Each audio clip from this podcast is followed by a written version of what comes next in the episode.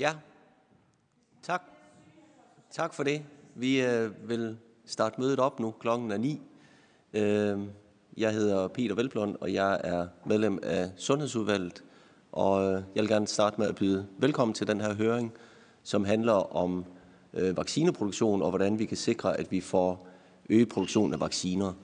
Og det er jo med baggrund i, at øh, vi står i en øh, coronakrise, hvor vi ser, at covid-19 øh, har spredt sig. Det har jo øget aktualiteten af hele diskussionen omkring vaccineproduktion.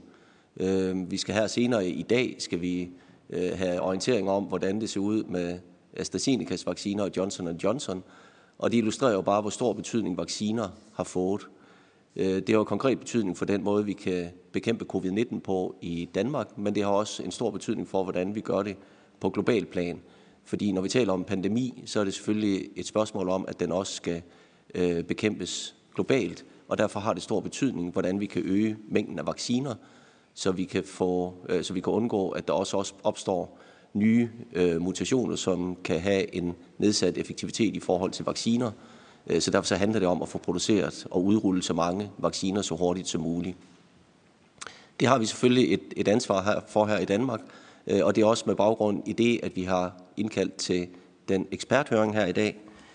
Øhm, og formålet er som sagt, at vi skal få øh, belyst mulighederne for at øge produktionen af både mRNA-vacciner, men også mere konventionelle vacciner, både for netop at mødekomme de nationale behov, men også for at sikre, at den globale produktion øges. Som sagt så er det helt højaktuelt på grund af coronakrisen, øh, men det er også en generel problemstilling, øh, som vi skal kunne finde løsninger på, fordi vi kan komme til at stå i en tilsvarende krise øh, i forhold til nye øh, epidemier, vi kan blive ramt af, men selvfølgelig også øh, med henblik på de revaccinationer, som vi ved bliver nødvendige. Blandt de spørgsmål, vi ønsker at få besvaret her på høringen i dag, det er, hvordan vaccineproduktionen er struktureret i dag, og hvordan den kan styrkes, øh, hvordan en vaccinestrategi kan udformes på national plan, eventuelt i samarbejde med de øvrige nordiske lande eller EU, øh, og hvilke konkrete politiske beslutninger, der skal træffes for at styrke fremtidens vaccineproduktion. Vi har i udvalget opfordret oplægsholderne til at beskrive udfordringer, udfordringer relateret til vaccineproduktionen, men også til at komme med konkrete idéer og forslag til, hvordan vi fremadrettet kan løse de udfordringer. Øh, og derfor så vil jeg gerne byde velkommen til øh, vores oplægsholdere, som er Janne Rotmar Hermann, professor på det juridiske fakultet på Københavns Universitet. Øh, så er det Camilla Fode, som er professor i vaccinedesign og levering på Københavns Universitet. Øh, så er det øh, Ida Sofie Jensen, der er koncernchef i Lægemiddelindustriforeningen. Det er Peter Søgaard Pedersen, som er chef for Dansk Industri Life Science. Og det er Hubert Gams, Deputy Director General, DG Grow fra Europakommissionen, som logger på lidt senere øh, omkring kl. 5 minutter i 10. Øh, alle oplægsholderne de deltager online, og der er sat 15 minutter af til hvert oplæg. Jeg skal også nævne, at en del af udvalgets medlemmer deltager online, men altså fint kan følge høringen og stille spørgsmål. Derudover så deltager der også nogle eksterne tilhører, som får mulighed for at stille spørgsmål, hvis tiden tillader det. Øh, udvalgets medlemmer og eksterne tilhører vil få mulighed for at stille spørgsmål og komme med kommentarer, kommentarer under høringens to spørgerunder. Og høringen den bliver tv-optaget og vist på Folketingets hjemmeside og tv-kanal. Øh, og så vil jeg gerne byde velkommen til den første oplægsholder, som er Janne Rodmar Hermann, som er professor på det juridiske fakultet på Københavns Universitet. Værsgo til dig, Janne. Tak for invitationen. Jeg skal se, om jeg kan få lov til at dele mine powerpoints. Ja. Så skulle I gerne kunne se nogle slides. Og øh, hvis vi starter med at, øh, at kigge lidt tilbage, så har vacciner jo været en sejr for folkesundheden. Øh, mellem 1945 og 1960, der var der eksempelvis hvert eneste år øh, mellem 20 og 80.000 danskere, som hvert år fik øh, kihoste og som dræbte tusindvis. øh, også mange spædbørn. Fra 1950 til 80, der var der hvert år mæslingeepidemier, som Øh, smittede mellem 10 og 80.000 personer, og den sidste store polioepidemi i Danmark i 1951-53 kostede omkring 350 mennesker livet, og tusinder blev ramt af alvorlige lammelser. I dag der er børnesygdommene eksempelvis stort set væk, primært på grund af det store danske børnevaccinationsprogram. Det allervigtigste for, at vacciner fortsat kan bevare den her position for folkesundheden, det er naturligvis, at vaccinerne er tilgængelige, og at befolkningen har tillid til dem. Så vi har altså både et behov for de vacciner, vi kender, og som vi har et fast årligt forbrug af, og måske bliver covid-vaccinerne jo snart en, en del af dem i den kommende tid, og så de vacciner, vi ikke ved, vi har brug for endnu, fordi der opstår nye sygdomme, eller sygdomme bliver spredt, fordi vi rejser rundt i verden mRNA-teknologien, den udsprang jo af årtiers forskning på universiteterne, og det synes jeg understreger, at forskning og udvikling, det er et vigtigt fokusområde. Så der bør fortsat investeres i fri forskning, også i den forskning, som ikke har et anvendelsesperspektiv her og nu. Katalin Kariko, som i dag er Senior Vice President i BioNTech, hun var en af dem, der først så perspektiverne i mRNA, og i 1990'erne, der fik hun det ene afslag efter det andet på forskningsfinansiering. Og det næste år 10 gik med at overkomme de startvanskeligheder, der var forbundet øh, med teknologien i forskningssamarbejde med andre på universitetet. Så de mest lovende vacciner bygger altså på 30 års forudgående forskning. Så vi skal have de langsigtede briller på. Da det viste sig, at der var kapacitetsproblemer med covid-vaccinerne, der vækkede det genkendelse. Da jeg skrev en artikel om epidemiloven i 2010 ved afslutningen af det 21. århundredes første pandemi, som jo var den nye influenza A-type H3N2, der kunne kapaciteten i medicinalindustrien heller ikke rigtig følge med efterspørgselen, for alle regeringer bestilte jo i sagens natur vacciner på samme tid. Øh, og nu er vi her igen, kan man sige. Så kan man overveje, er det så bedre at have sin egen statslige produktion af vacciner? Vi har jo sådan set haft en produktion af vacciner på Statens Serum Institut før frasalget af fabrikken. Og det havde jo på den ene side øh, den fordel, at da der i 2001 var global frygt for bioterror med biologisk agens, der var Serum Instituttet hurtigt klar med at kunne vaccinedække hele Danmarks befolkning. Men omvendt så er egen produktion ikke altid en garanti. I 2014 der måtte man eksempelvis midlertidigt udskifte to vacciner i børnevaccinationsprogrammet, fordi egen produktion havde været ramt af tekniske problemer, og man kunne faktisk ikke købe præcis det samme produkt på markedet. Så der kan være fordele, men det er altså ikke nogen garanti. Så er der nogen, der har sagt, jamen, øh, 100 års pandemier, altså det er noget, der kun sker en gang hver 100 år. Men altså, jeg synes, at øh, vi faktisk kan se flere eksempler fra bare de seneste par 10 år, hvor vacciner er relevante. Så der er altså grundlag for at tænke på vacciner som en kritisk infrastruktur. Og der er også grundlag for, at vi i højere grad får en beredskabstankegang på det her område. Så det at have en plan på forhånd er vigtigt. Forsvars efterretningstjeneste havde jo allerede peget på pandemier som en mulig og en alvorlig samfundstrussel. I Finland der havde man eksempelvis bevaret koldkrigslagerne, og der havde man ikke samme mangel på værnemidler. Så beredskab er centralt.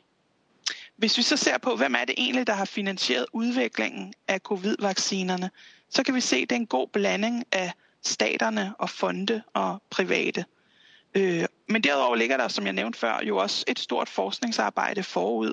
Så teknologien og dens potentiale og alle dens startvanskeligheder havde den fri forskning jo også på universiteterne også en andel i. Så der skal man også have i mente, at der ligger jo også en, en bagvedliggende finansiering der, hvor stater og EU-kommissioner, andre landes offentlige og private fonde og bevillingsgivere har lagt en investering i forskningen. Så vestlige regeringer har altså brugt milliarder på vacciner, uden samtidig på en effektiv måde at påvirke eller tvinge producenterne til at dele opskriften, eller dele know-how, eller opskalere produktionen. WHO lavede sidste år en teknologipool for at adressere de her problemer, og opfordrede virksomhederne til at dele deres know-how med producenter i lav- og mellemindkomstlande. Men der er ikke nogen vaccineproducenter, der har tilsluttet sig. Moderna, som er en fuld offentlig finansieret vaccine, har for eksempel fortalt EU, at det er svært at finde partnere med den rette teknologi. Og alt imens har producenter i Kanada og Bangladesh og Danmark sagt, at man kan lave vacciner, men man mangler at få licensaftaler i stand. Og Moderna har ovenikøbet skrevet på sin hjemmeside, at man ikke håndhæver sine patentrettigheder under pandemien. Men når det kommer til stykket, så har de store producenter altså ikke lavet licensaftaler og delt know-how, i hvert fald ikke tidsnok. Og licensaftaler giver jo ellers en fin return of investment, kan man sige, som har været en af lægemiddelindustriens bekymringer, når der har været snak om waiver og tvangslicens. Den amerikanske regering, den står med gode kort på hånden for at påvirke, for inden længe, så står den faktisk med kontrollen over et patent, som er centralt i flere af mRNA-vaccinerne. Øh, fordi de amerikanske regler giver den amerikanske regering ret til at overtage patenter på forskning, som den har finansieret. The Bay-Doyle Act fra 1980 indeholder også en mulighed for, når der skal ske tech-trans af offentligt finansieret forskning fra universiteterne til private virksomheder, at patenter skal være offentligt domæne, når det er af helbredsårsager, og den amerikanske regering kan også midlertidigt overtage ejerskabet, for eksempel covid vacciner. Det er så ikke en mulighed, der er blevet brugt, men man kan sige, at USA har jo heller ikke oplevet samme forsyningssvigt, som vi har i, i Europa. Så det illustrerer, at statslig kontrol i en eller anden form kan være byggestenen i, i fremtidens forsyningssikkerhed. Det er jo en menneskeretlig forpligtelse at beskytte borgernes ret til sundhed. Retten til sundhed er for eksempel beskyttet i FN's konvention fra 1966 om økonomiske, sociale og kulturelle rettigheder, som udtrykkeligt nævner forebyggelse og behandling og bekæmpelse af epidemiske og endemiske sygdomme. Så på den måde kan man også se vacciner som en kritisk infrastruktur og som en menneskeretlig forpligtelse. Og det leder til at, over, at øh, opfordre til at overveje, hvem er det egentlig, man er afhængig af? Er det fremmede magter? Øh, hvad kendetegner styret ved den fremmede magt, man er afhængig af i den her forbindelse? Er det private virksomheder? Er det sig selv? Hvem er det, man indgår partnerskab med? Det taler for, at man sikrer en vis form for diversitet i produktionen. Vacciner er jo en skrøbelig øh, forsyningskæde, Øh, der er tale om højt specialiserede ingredienser, højt specialiseret udstyr, højt specialiseret personale. Det tager minimum 6 måneder at starte sådan en produktion op af mRNA-vacciner, og så er der hele den logistiske øh, del med masseproduktion og, og den tidligere direktør for Lægemiddelstyrelsen, han kaldte jo med rette covid-vaccinerne for en månelanding, hvis man skal sammenligne den bedrift, det er. Men andre dele af forsynings- og produktionskæden var altså ikke rigtig klar tidsnok til den her månelanding. Der har manglet ting som poser til bioreaktortankene. I slutbrugerledet, der har for eksempel Japan manglet de særlige kanyler, som kan trække en ekstra dose Pfizer-BioNTech op af hætteglasset. Og hætteglassene er også et, en, et produkt, der bliver øh, produceret af få. Så når jeg lidt senere taler om investering i risikokapacitet, så skal man faktisk tænke på hele forsyningskæden. Jeg synes, man kan konkludere, at forsøgs- og godkendelsesdelen har fungeret rigtig godt i Europa, og det medvirker også til at højne tilliden til vaccinerne. Og tilliden er jo lige så vigtig som tilgængeligheden. Men er der andre dele af de juridiske rammer, som man kunne efterse? Altså man kunne stille sig selv spørgsmål, som understøtter man tilstrækkeligt deling af viden, adgang til relevante data? Kan man modvirke de mekanismer om hemmelighed og ikke-deling, som følger af patentregler og konkurrenceregler osv.? Har vi nok kriseundtagelser? Har vi gode samarbejder? Har vi gode kontrakter, som indarbejder de mekanismer. Altså WHO har eksempelvis i årvis efterspurgt kontraktsprog, som understøtter vidensdeling og deling af patenter, når det er, man som stat entrerer med virksomheder. Man kunne også nævne øh, konkurrencereglerne som et sted, hvor man kunne give virksomhederne mere klarhed.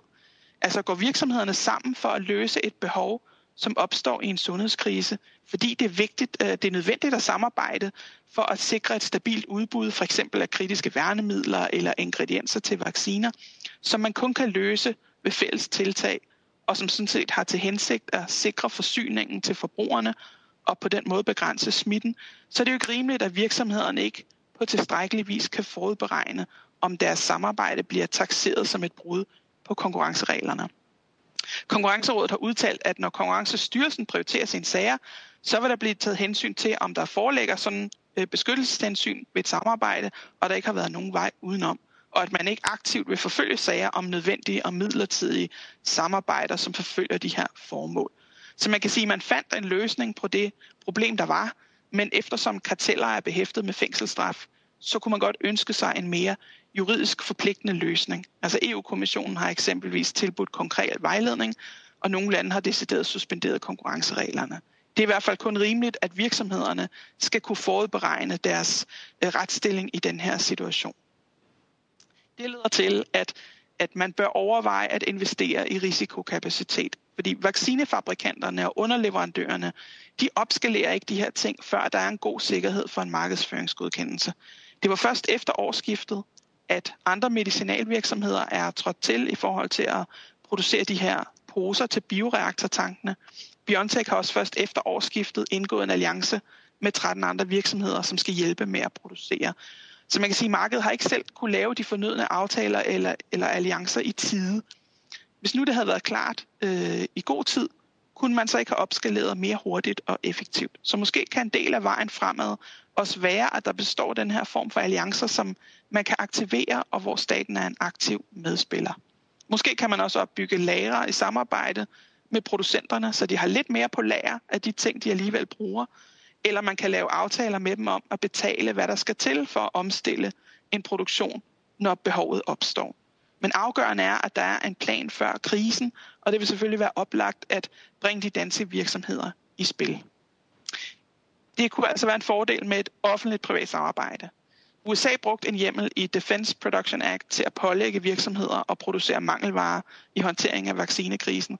Danmark klarede ret godt øh, en hurtig omstilling i forhold til at få produceret værnemidler og håndsprit, men vaccinefabrikkerne er ikke kommet i spil. Så det kan altså overvejes at investere i risikokapacitet i et samarbejde med det private. Det kunne også være i samarbejde med andre lande. Men der er også nogle andre ting, man kunne, øh, man kunne overveje. Øh, for eksempel patentrettigheder. De har været gode til at understøtte hurtig innovation og udvikling i kombination med den offentligt finansierede forskning. Men skal man supplere eller modificere den her ene ret, altså i form af bedre adgang til produktion på licens, eller at benytte ting som tvangslicens, waiver eller statslig ejerskab af licenser. Der har også været rejst et synspunkt om, at der faktisk er andre incitamentstrukturer, som øh, kunne bruges, som måske vil være bedre, altså udlodning af priser, som løser store udfordringer, har før været brugt med succes. I 1810 brugte Napoleon Bonaparte øh, sådan en, en pris på 12.000 frank, som han gav til en fransk kok, som løste den stillede udfordring med at finde en bedre måde at preservere fødevarer på.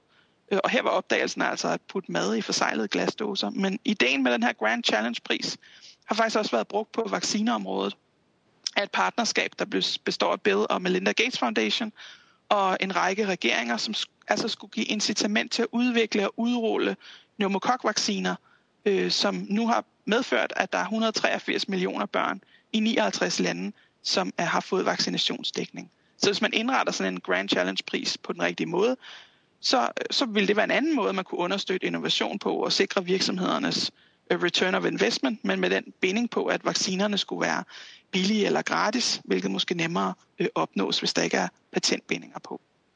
Og er det så nok også bare at indkøbe som en, en øh, prisbevidst forbruger og regne med, at det frie marked kan levere tilstrækkelige mængder? Det er måske den tilgang, der er kendetegnet den europæiske tilgang. Eller skal man i højere grad tidligt indgå som en mere aktiv partner, som også skyder ressourcer og styring ind i, i udviklingen og produktionen, som har kendetegnet den amerikanske tilgang. Og kan vi få en strategi sat i søen, så statens aktive rolle er klart defineret i tide. Nu har vi jo for eksempel to vaccinefabrikker placeret i Danmark, nemlig AJ Vaccine, som overtog Serum Instituttets fabrik, og Bavarian Nordic, som tidligere meldte ind, at de godt kunne producere, og udtalelser peger på, at det faktisk har været en fordel, hvis man havde sat sig sammen med dem tidligere i forløbet, i bestræbelserne på at være mellemmand og, og sætte dem i spil. Der er også andre dele af de juridiske rammer, man kunne efterse. Altså på biotech-området, der er det særligt karakteristisk, at man holder produktionsmåden hemmeligt, så det fremgår ikke nødvendigvis af patentet, for eksempel hvilken temperatur skal man holde, eller hvordan er det lige præcis, man går frem. Så det er vigtigt at fremme vidensdeling på de måder, man kan. Så en beredskabstankegang kan selvfølgelig også inkludere, at man har et samarbejde enten regionalt eller globalt om at overvåge, så man kan opfange, hvad er det for nogle sygdomme, og dermed, hvad er det for nogle vacciner, vi får brug for i fremtiden. Der er det jo tankevækkende, at et amerikansk overvågningscenter i Wuhan faktisk blev lukket og slukket få måneder før, at den første smitte opstod. Og til sidst er her en, en model for beredskabsgovernance, som viser, at beredskab det er noget, man arbejder med hele tiden – øh, altså i hele cirklen rundt, og ikke kun øh, lige bagefter eller imens der er en, en krise. Det er altså centralt for at, at have et, øh, et godt beredskab. Og det handler blandt andet om at dele viden, inddrage de relevante aktører, institutionalisere og investere. Og øh, jeg synes, dagens høring øh, i dag peger i retning af, at vi faktisk er på vej til at at gøre dette. Så det var øh, mine input, og, og tak for indbydelsen. Mange tak for det her indledende oplæg. Jeg hedder Rasmus Horn Langhoff, jeg er sundhedsordfører for Socialdemokratiet, og jeg overtager styring herfra af møde. Den næste, som øh, jeg vil give ordet til, det er Camilla Fode, der er professor i vaccinedesign og levering på Københavns Universitet, og som vil tale om, hvordan vi sikrer de rette faciliteter og forudsætninger for at opskalere vaccineproduktionen. Værsgo, Camilla. Tak for det. Kan I høre mig? Ja, du går fint igennem. Super. Tak til Sundhedsudvalget for invitationen til at deltage i den her høring øh, og fortælle om, hvordan vi sikrer de rette faciliteter og, og forudsætninger for opskalere vaccineproduktionen i Danmark. Øh, jeg er professor på Institut for Farmaci på Københavns Universitets Sundhedsvidenskabelige øh, Fakultet, hvor jeg bredt beskæftiger mig med de farmaceutiske aspekter af, af vaccineudvikling. Så for en god ordens skyld vil jeg først lige øh, redegøre for mine øh, interessekonflikter. Jeg har i mange år haft et, et meget frugtbart samarbejde med Serum Instituttet om udvikling af vacciner. Jeg er ikke involveret i arbejdet med den danske øh, coronavaccine for Københavns Universitet, og så fungerer jeg også som uafhængig ad hoc øh, rådgiver for, for flere virksomheder. Så for at forstå det her område, er man nødt til at forstå, at, at øh, vi har mange forskellige vaccineplatforme, og alt afhængig af, hvorfor en vaccineplatform vi snakker om, øh, har vi forskellige udfordringer i forhold til, til produktion af vacciner. De traditionelle vacciner består af, af inaktiverede eller svækkede øh, hele viruspartikler. Øh, øhm, vi fokuserer ikke rigtig på dem i Danmark. De udvikles i Kina og Indien, men af sikkerhedsmæssige årsager fokuserer vi ikke på den her type øh, vacciner. Så er der de proteinbaserede vacciner, som også kaldes subunit-vacciner, der består af en enkelt del fra den her virus, øh, som man så bruger til at vaccinere med. Og derfor er de mere sikre. Det er øh, blandt andet det princip, øh, vaccinen for KU er, er baseret på. Så har vi de nyere vaccineplatforme, øh, blandt andet vaccinen for øh, AstraZeneca og Johnson Johnson, som er baseret på, på en almindelig forkølelsesvirus, som man bruger til at transportere genet for coronavirusens spike-protein ind i kroppens celler, hvor man så kan danne et immunrespons. Øhm, endelig har vi de nye, eller helt nye vacciner, der er baseret på, på det genetiske materiale fra, fra en virus, enten DNA'et eller øh, budbringer RNA'et, øh, hvor man så simpelthen vaccinerer med det genetiske materiale. Kroppen danner selv øh, spike-proteinet, og man vaccinerer så at sige øh, sig selv. I Danmark har vi, øh, eller i EU har vi fire nødgodkendte øh, covid-19-vacciner, eller dem, der har fået det, der hedder en betinget godkendelse. To af dem er mRNA-baseret fra BioNTech, Pfizer og Moderna. Øh, og det var de to første vacciner, der blev godkendt, og de er virkelig øh, udviklet på, på rekordtid. Det, det har været meget imponerende, så hurtigt man har kunne udvikle de her vacciner. Så har vi de to øh, virusbaserede vacciner fra AstraZeneca og Johnson Johnson. Øh, og jeg tror ikke, jeg behøver at sige mere om dem. De er meget diskuteret for tiden. Så forventer vi, at den femte vaccine bliver godkendt i, i maj øh, juni måned. Det er den fra CureVac, det tyske firma, og det er også en mRNA-baseret øh, vaccine. Og udover det kigger EMA på, på to andre vacciner. Øh, en, en proteinbaseret vaccine fra, fra firma, der hedder Novavax.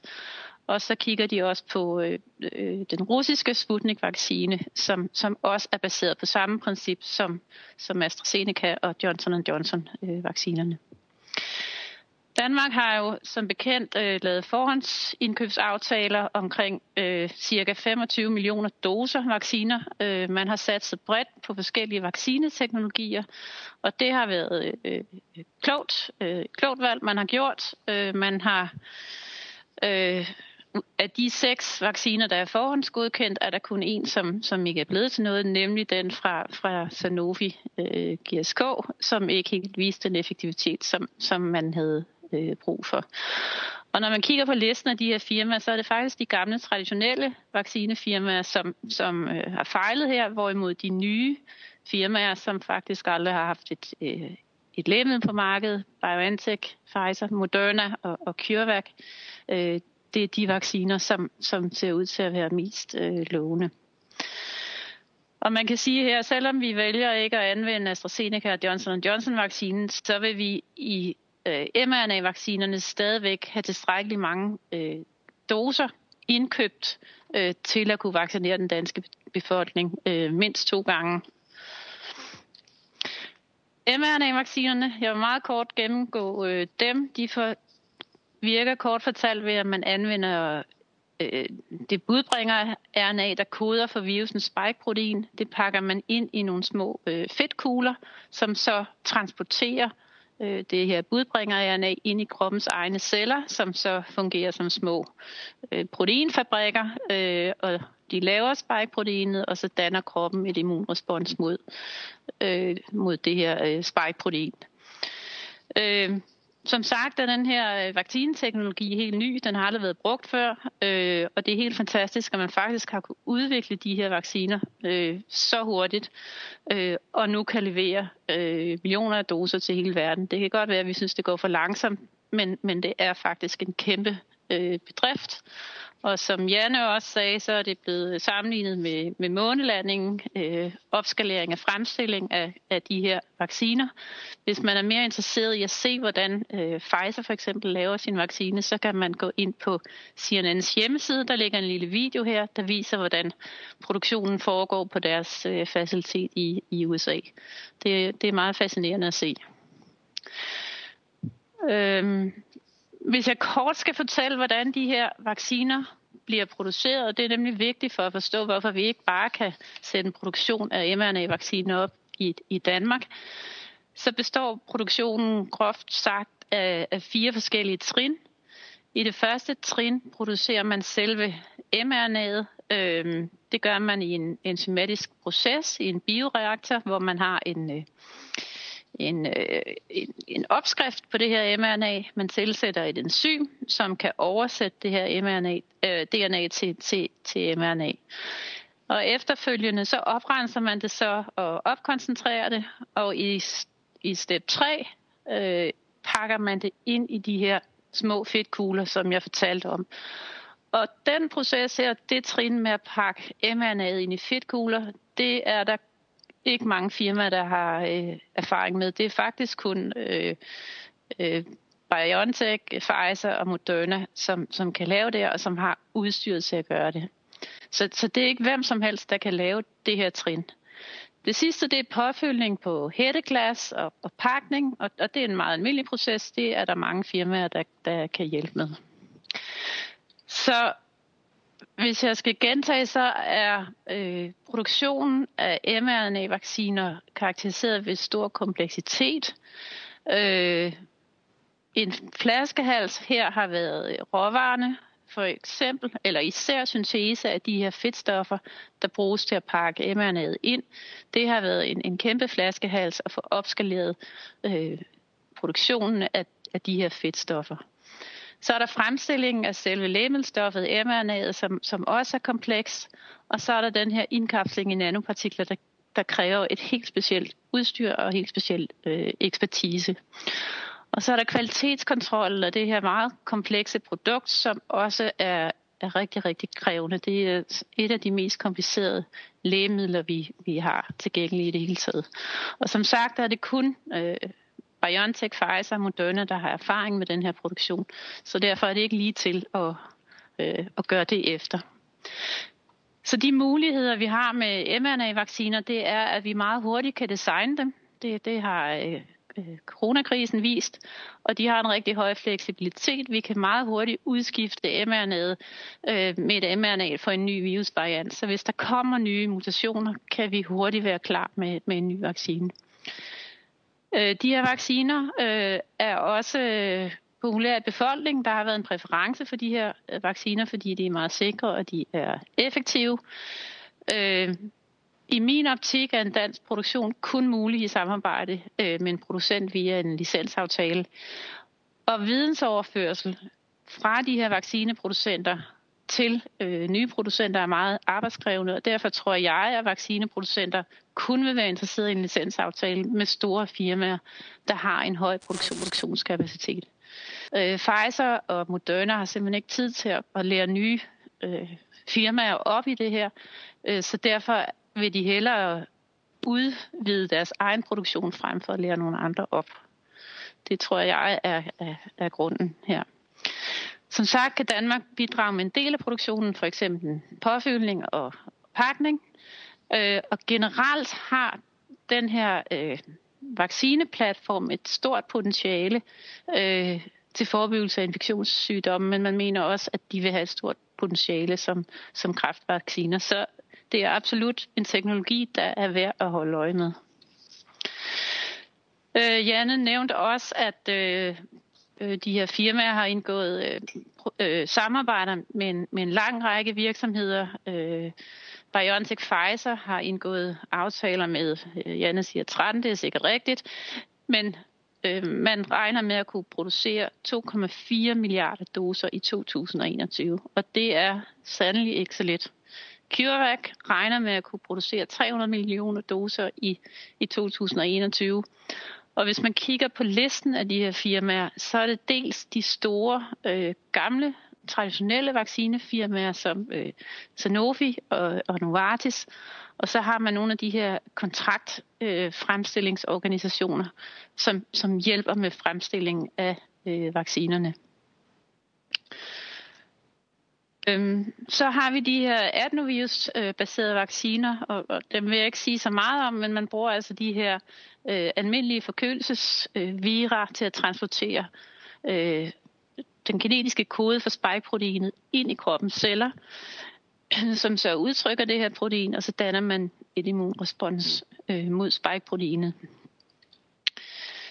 Øh, produktionen af de her vacciner er langt nemmere øh, end øh, for mRNA-vaccinerne, og den er også øh, meget billigere.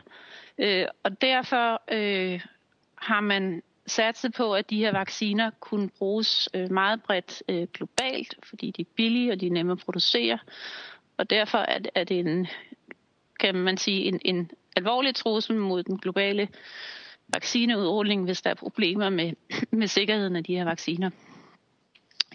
Øh, Janne nævnte også den her Defense Production Act i, i USA, som Joe Biden meget dygtigt har brugt til at øh, opskalere produktionen af vacciner i USA. Øh, et eksempel er, at, at de to konkurrenter, øh, Johnson Johnson og Merck, nu samarbejder om at producere store mængder af vacciner i, i USA. AstraZeneca-vaccinen, den laves på licens i Indien og har været brugt øh, i noget tid der, og Sputnik-vaccinen, den laves på licens i, i flere forskellige lande, blandt andet i Brasilien. Generelt har de her vacciner en, en lavere effektivitet, fordi vi har, mange af os har mødt den her øh, almindelige forkølelsesvirus, der bruges til vaccinen før, og derfor vil vi have antistoffer mod den her vaccine. Det er derfor, den kun har de her 60 øh, procents effektivitet, som vi har hørt så meget om. Så er der et, et, øh, et issue her med sikkerheden. Øh, det er vigtigt, at vi kan have tillid til de her vacciner, og der er efterhånden opstået en skepsis i befolkningen over for den her øh, vaccineteknologi. Og så er der endelig det her problem med, at, at man forventer, at, at de her vacciner ikke øh, vil være så effektive øh, til en revaccination. De vil ikke være så effektive som sæsonvacciner, fordi vi også danner et immunrespons mod selve den viruspartikel, øh, der bruges i vaccinen, og det vil gøre, at, at den effektivitet falder. Så har vi den danske vaccine, øh, som udvikles i samarbejde mellem øh, KU, Adaptvagt og Bavarian Nordic. Øh, den er baseret på en, en kunstig viruspartikel, hvor man påklistrer spike-proteinet på, på overfladen her. Øh, de kliniske forsøg er startet op med den her vaccine, øh, og den forventes at være klar i slutningen af 2021 eller i starten af 2022. Indtil videre ser data ud til, at den er sikker og effektiv, og den er, det er en stabil vaccine, der kan opbevares ved, ved stuetemperatur. Så er der den fordel ved den her vaccine, at, at produktionen er, er relativt øh, enkel. Den kan produceres øh, alle steder men en udfordring for den danske vaccine er at finde finansiering til at, at afslutte de her kliniske studier øh, og få den øh, godkendt til, til brug. Den anden danske vaccine øh, fra Statens Serum Institut er en såkaldt DNA-vaccine, hvor man bruger genet, øh, kodene for spike-proteinet til at vaccinere direkte med.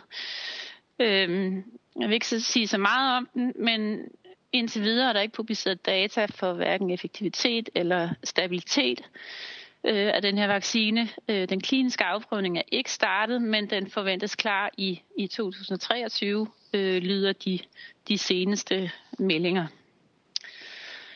Så vil jeg sige lidt øh, generelt om vaccineproduktion i Danmark. Øh, øh, I min optik er Danmark for lille et marked til at have en rentabel offentlig vaccineproduktion.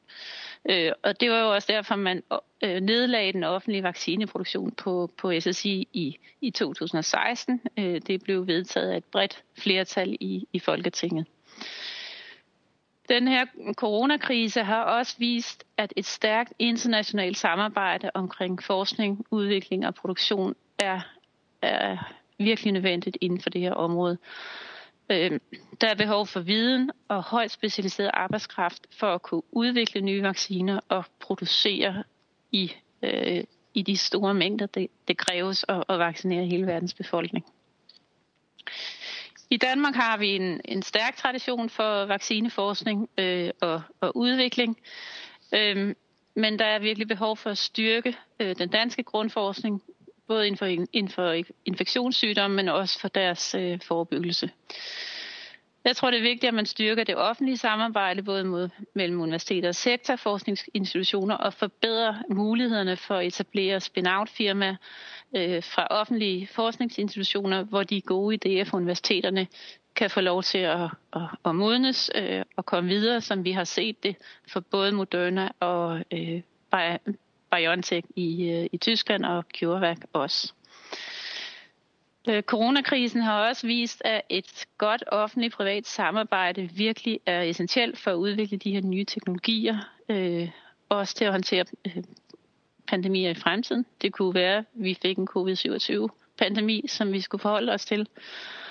Og endelig er der også behov for investering i uddannelse af kandidater og forskere til det her life science område, fordi det kræver højt specialiseret øh, arbejdskraft.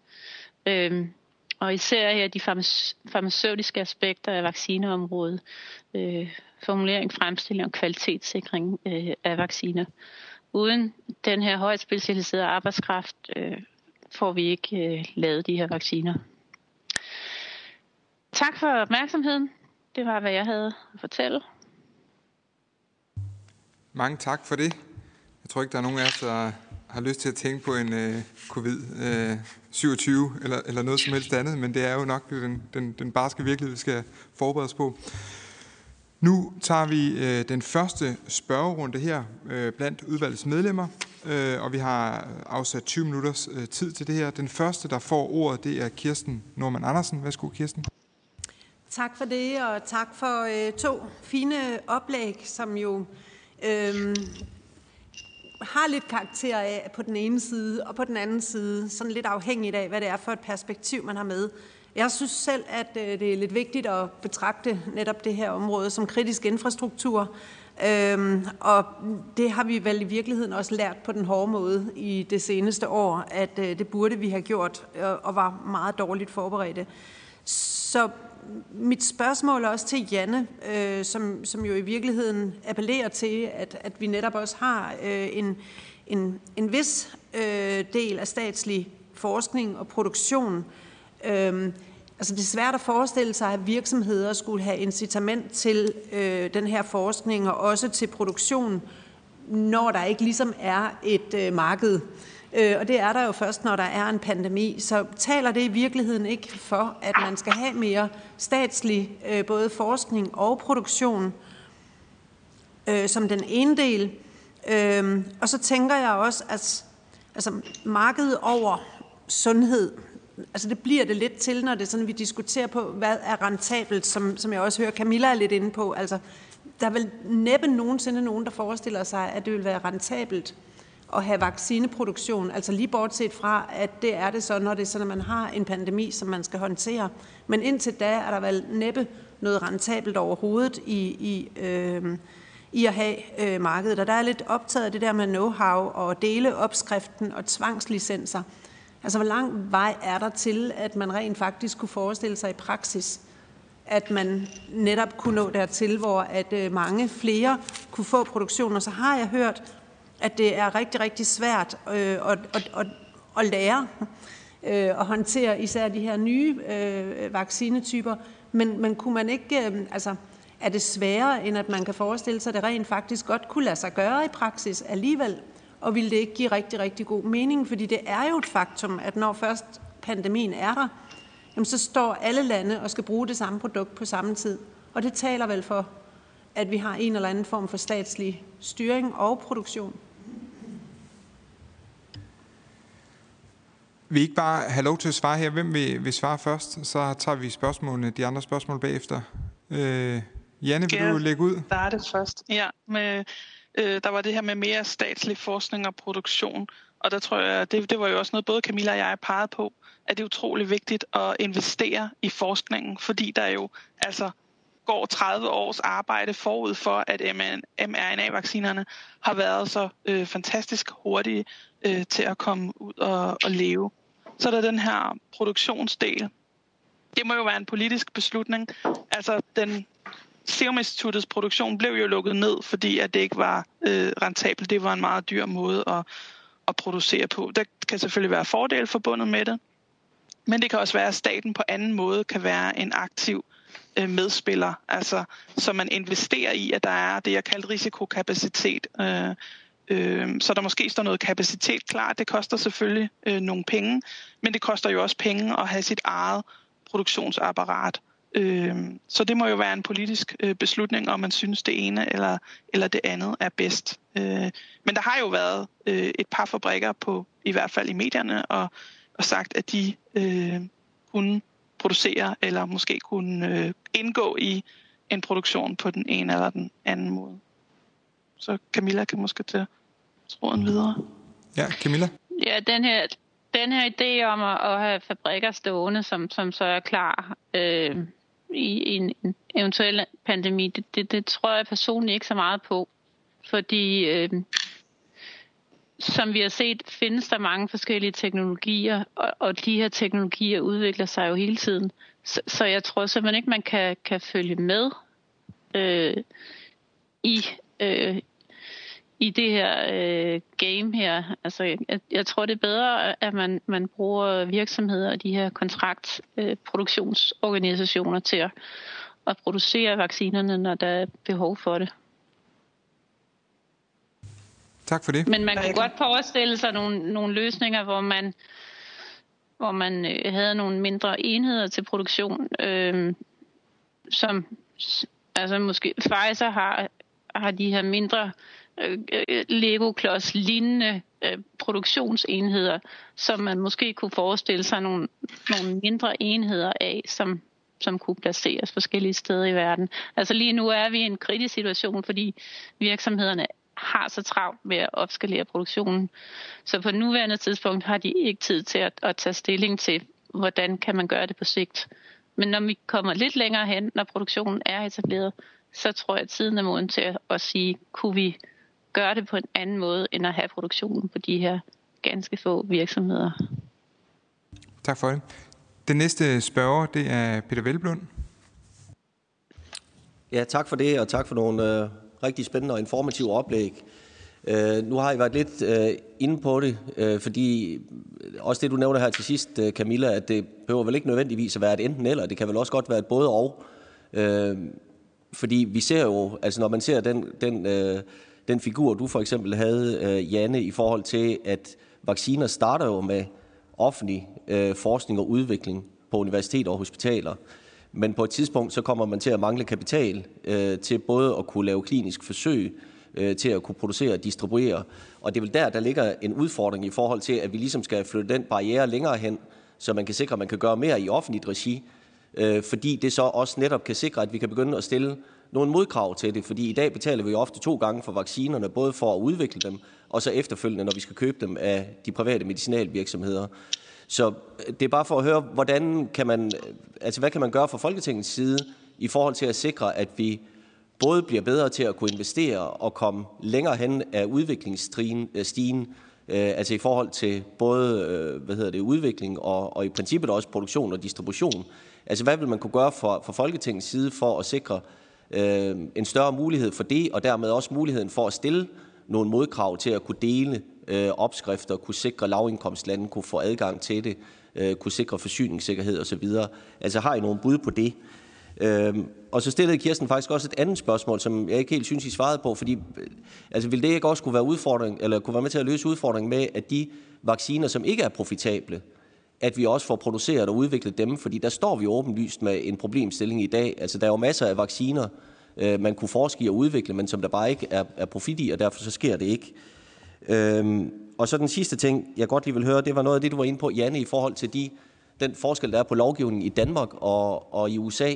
Altså er der noget, vi, kan, vi vil kunne gøre der i forhold til, øh, altså nu nævnte du både i forhold til med omstillingskontrakter, men, men jo også i forhold til spørgsmål omkring intellektuel ejendomsret øh, og, og Defensive Protection, eller Defense Protection, uh, Production Act. Øh, Øh, er, er der noget, vi kunne lade os inspirere af der, hvor vi ligesom kunne sige, der kunne vi spille lidt mere med de statslige muskler øh, i forhold til at sikre, at vi får større vidensdeling, øh, fordi det jo netop vil være til, til gavn både for forsyningssikkerhed, men også øh, folkesundhed. Og, og der er det jo åbenlyst, at når vi, vi kan jo tydeligt se det med ADAP-vagt, at der er udfordringen finansiering. Det er jo også det, I selv nævner. Altså, at der er der et behov for, at vi også fra offentlig side går, går mere styrket ind i forhold til det.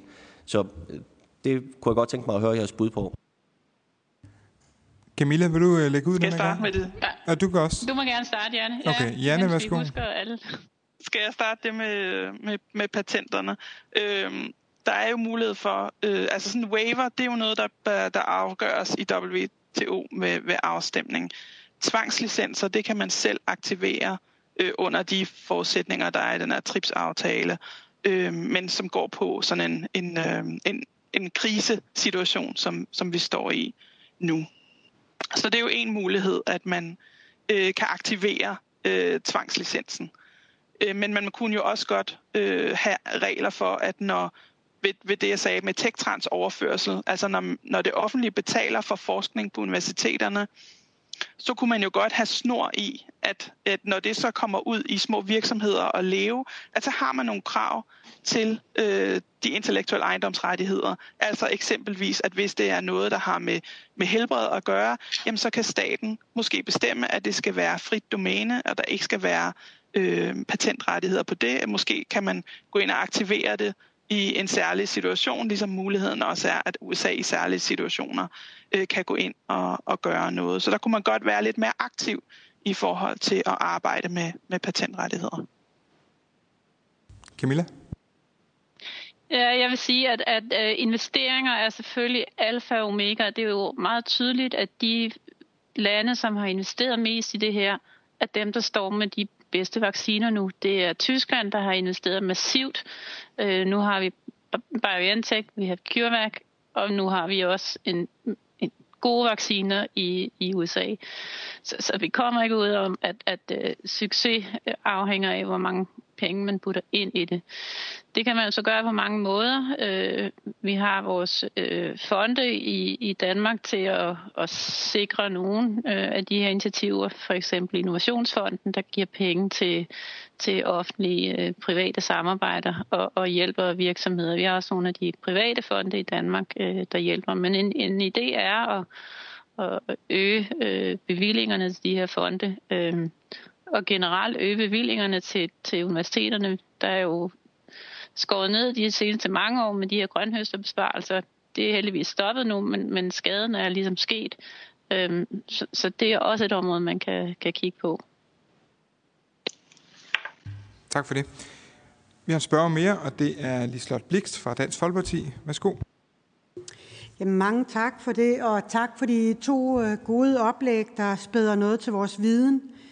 Øh, nu har vi jo siddet og arbejdet med det her et stykke tid, så øh, vi er godt øh, det er godt at få noget, nogle flere oplysninger i forhold til det her, og jeg er jo fuldstændig enig med de andre, der siger, at det ville være fantastisk, hvis vi havde en, en vaccineproduktion i Danmark, og der må man se i øjnene, at der er sket nogle fejl med årene, at man i første omgang øh, øh satte sat Statens Serum Institut til salg, der gjorde, at folk flygtede derfra. Men, men vi må også sige, som man var inde på, at øh, man kunne jo ikke skaffe Øh, og lave de børnevacciner, der var, så vi faktisk på det tidspunkt havde nogle vacciner, der ikke var godkendt. Øh, så jeg ser også gerne det her samarbejde på tværs, men det, det er så det andet i forhold til, som I også er inde på, øh, Bavarian Nordic, som man kunne have haft lavet en aftale med tidligere, som så havde været noget længere frem i dag. Og det er jo sådan et partnerskab, der ville være fantastisk med universiteter, øh, offentlige og privat, Øh, og så sikre, at øh, man får lavet det her samarbejde, så man også får forskning, både øh, offentlig og privat. Og det vil jeg selvfølgelig gerne øh, øh, spørge mere ind til i forhold til det. Men jeg har nogle øh, spørgsmål i forhold til, øh, når man øh, fortæller, det var, jeg tror det var Janne, i første omgang, der fortæller Moderna, som er offentligt finansieret, og som faktisk offentligt øh, siger, at man er klar til at give patentet videre. Hvorfor er der ikke nogen, der øh, gør det? Er det, fordi det er for vanskeligt, det her med at, at fedtomslutte dem? Øh, og, og hvis det er tilfældet, så, så er der vel ikke noget om at tale om uh, tvangslicenser, fordi licensen er vel det samme, som får patentet, og hvis ikke man kan lave det via en, det ligger offentligt frem, så kan man jo heller ikke gøre det ved en tvangslicens. Jeg mener, så kan vi lukke den dør og sige, det er ikke en vej frem i hvert fald. For den har vi også diskuteret herinde nogle gange. Øhm, når vi så ser på, hvad det er, man kan hjælpe med øh, i Danmark, øh, så kunne det være det her, man kunne omlægge fabrikken, så man kunne øh, køre det på flasker, som der også har været tale om. Men hvordan er det så med transport efter indkapslingen? Er det igen, at det, det er jo nede på de her øh, frysegrader vel? Og er det en bestemt, er der nogen risiko ved at transportere det over lange afstande, i forhold til, at det ikke er øh, kommet på flasker? Det skulle være mine spørgsmål for den her omgang. Tak. Og jeg tror lige, vi når en spørg mere. Øh, Kirsten Norman, vil du, øh, du har et spørgsmål mere? Men det var i virkeligheden bare en opfølgning, fordi at, at altså noget af det, der er vigtigt i forhold til, til vaccineproduktion, er jo også borgernes tillid, tænker jeg. Så det er jo fuldstændig afgørende, at vi har en meget åben og ærlig debat om, hvad kan lade sig gøre, og hvordan er tingene kommet i værker, når vi på den ene side lytter os til, at øh, der ligger 30 års forskning bag ved det her. Altså, så er jeg enig i, Camilla, at det også er et spørgsmål om penge, men, men, men det er det vel ikke kun. Altså, øh, det er jo også et, et, hvis ikke den her forskning havde ligget forud, så havde vi jo ingenting kunnet. Så pengene har jo handlet om produktion. Øh, og, og, og der må man jo så bare sige, at, at der er blevet lagt øh, æg i nogle forskellige kurver undervejs, så der er nogen, der har lidt mere vind i sejlene lige nu, end nogle andre har. Om det er retfærdigt, det kan jeg simpelthen ikke vurdere. Men, men, men, men uanset hvordan vi vender og drejer det, så, så kommer vi jo ikke udenom, at, at markedsvilkår jo alene heller ikke gør det. Fordi så står vi jo igen i en situation, at ved den næste pandemi, jamen, så har vi heller ikke en produktion klar, fordi vi har ikke den vaccine, øh, som vi skal bruge til det. Så vi er vel nødt til at have det her løbende arbejde, hvor vi både producerer vacciner til det kendte, men også hele tiden har gang i udviklingen til det ukendte. Og så er det lidt svært for mig at acceptere det der med, at, at, at øh, det, det ikke kan lade sig gøre. Øhm, øh, jeg er med på, at det både kan være dyrt og alt muligt andet, men hvor dyrt? Men det må, altså, er det virkelig rigtigt, at forestille sig, at Danmark aldrig nogensinde skulle blive i stand til at arbejde med den her specielle form for teknologier, eller sætter vi nu alligevel vores skæbe, eller lys under en skæbe her? Godt. Hvem vil lægge ud?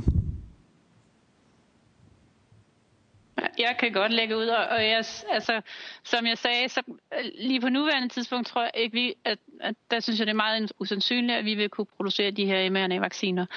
Og, og, og det er helt rigtigt forstået, at selvom man, man frigav de her øh, øh, patenter, så vil ingen ville kunne øh, reproducere det, eller nej, det er forkert, ingen ville kunne lave det uden at have den viden, der er i de virksomheder. Det er så videnstungt et område.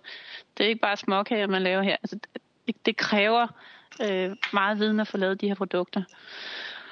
Øh, og som sagt tror jeg på sigt, øh, når de her øh, firmaer øh, har sat produktionen op, så tror jeg, der vil være mere øh, øh, overskud til at tænke i, i løsninger, hvor man får teknologien øh, bredere ud, så den ikke kun ligger hos, hos øh, BioNTech, Pfizer og, og Moderna.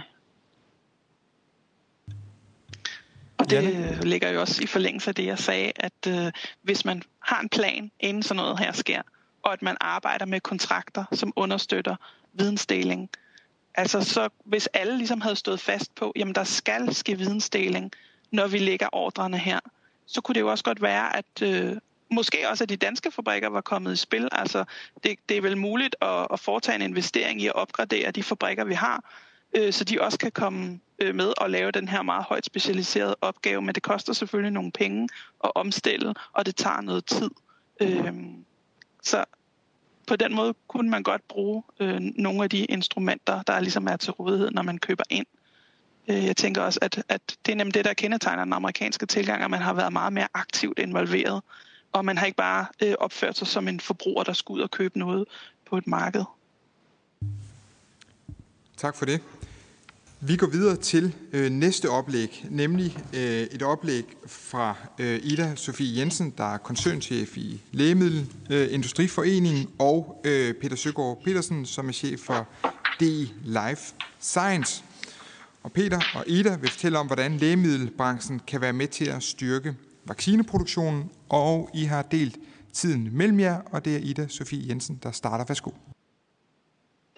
Tak for det, og tak for indbydelsen til at være med her i dag. Øh, de to foregående indlæg har jo øh, redegjort meget fornemt for øh, teknologierne omkring vaccinerne, som, som vi ser lige nu. Men når jeg alligevel stadigvæk lige vil dvæle lidt ved det, øh, altså at vi øh, 10 måneder efter, at øh, pandemien var brudt ud, og vi lukkede samfundet, der havde vi en øh, vaccine.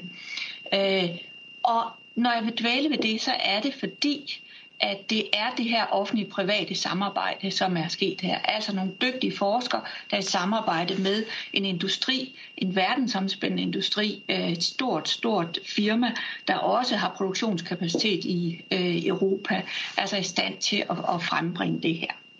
Det, der nemlig er særligt der, det er, at øh, vi taler om offentlig grundforskning, og det er vi fra industriens side meget, meget supportive til, og kun interesseret i, at vi øh, får mere af det.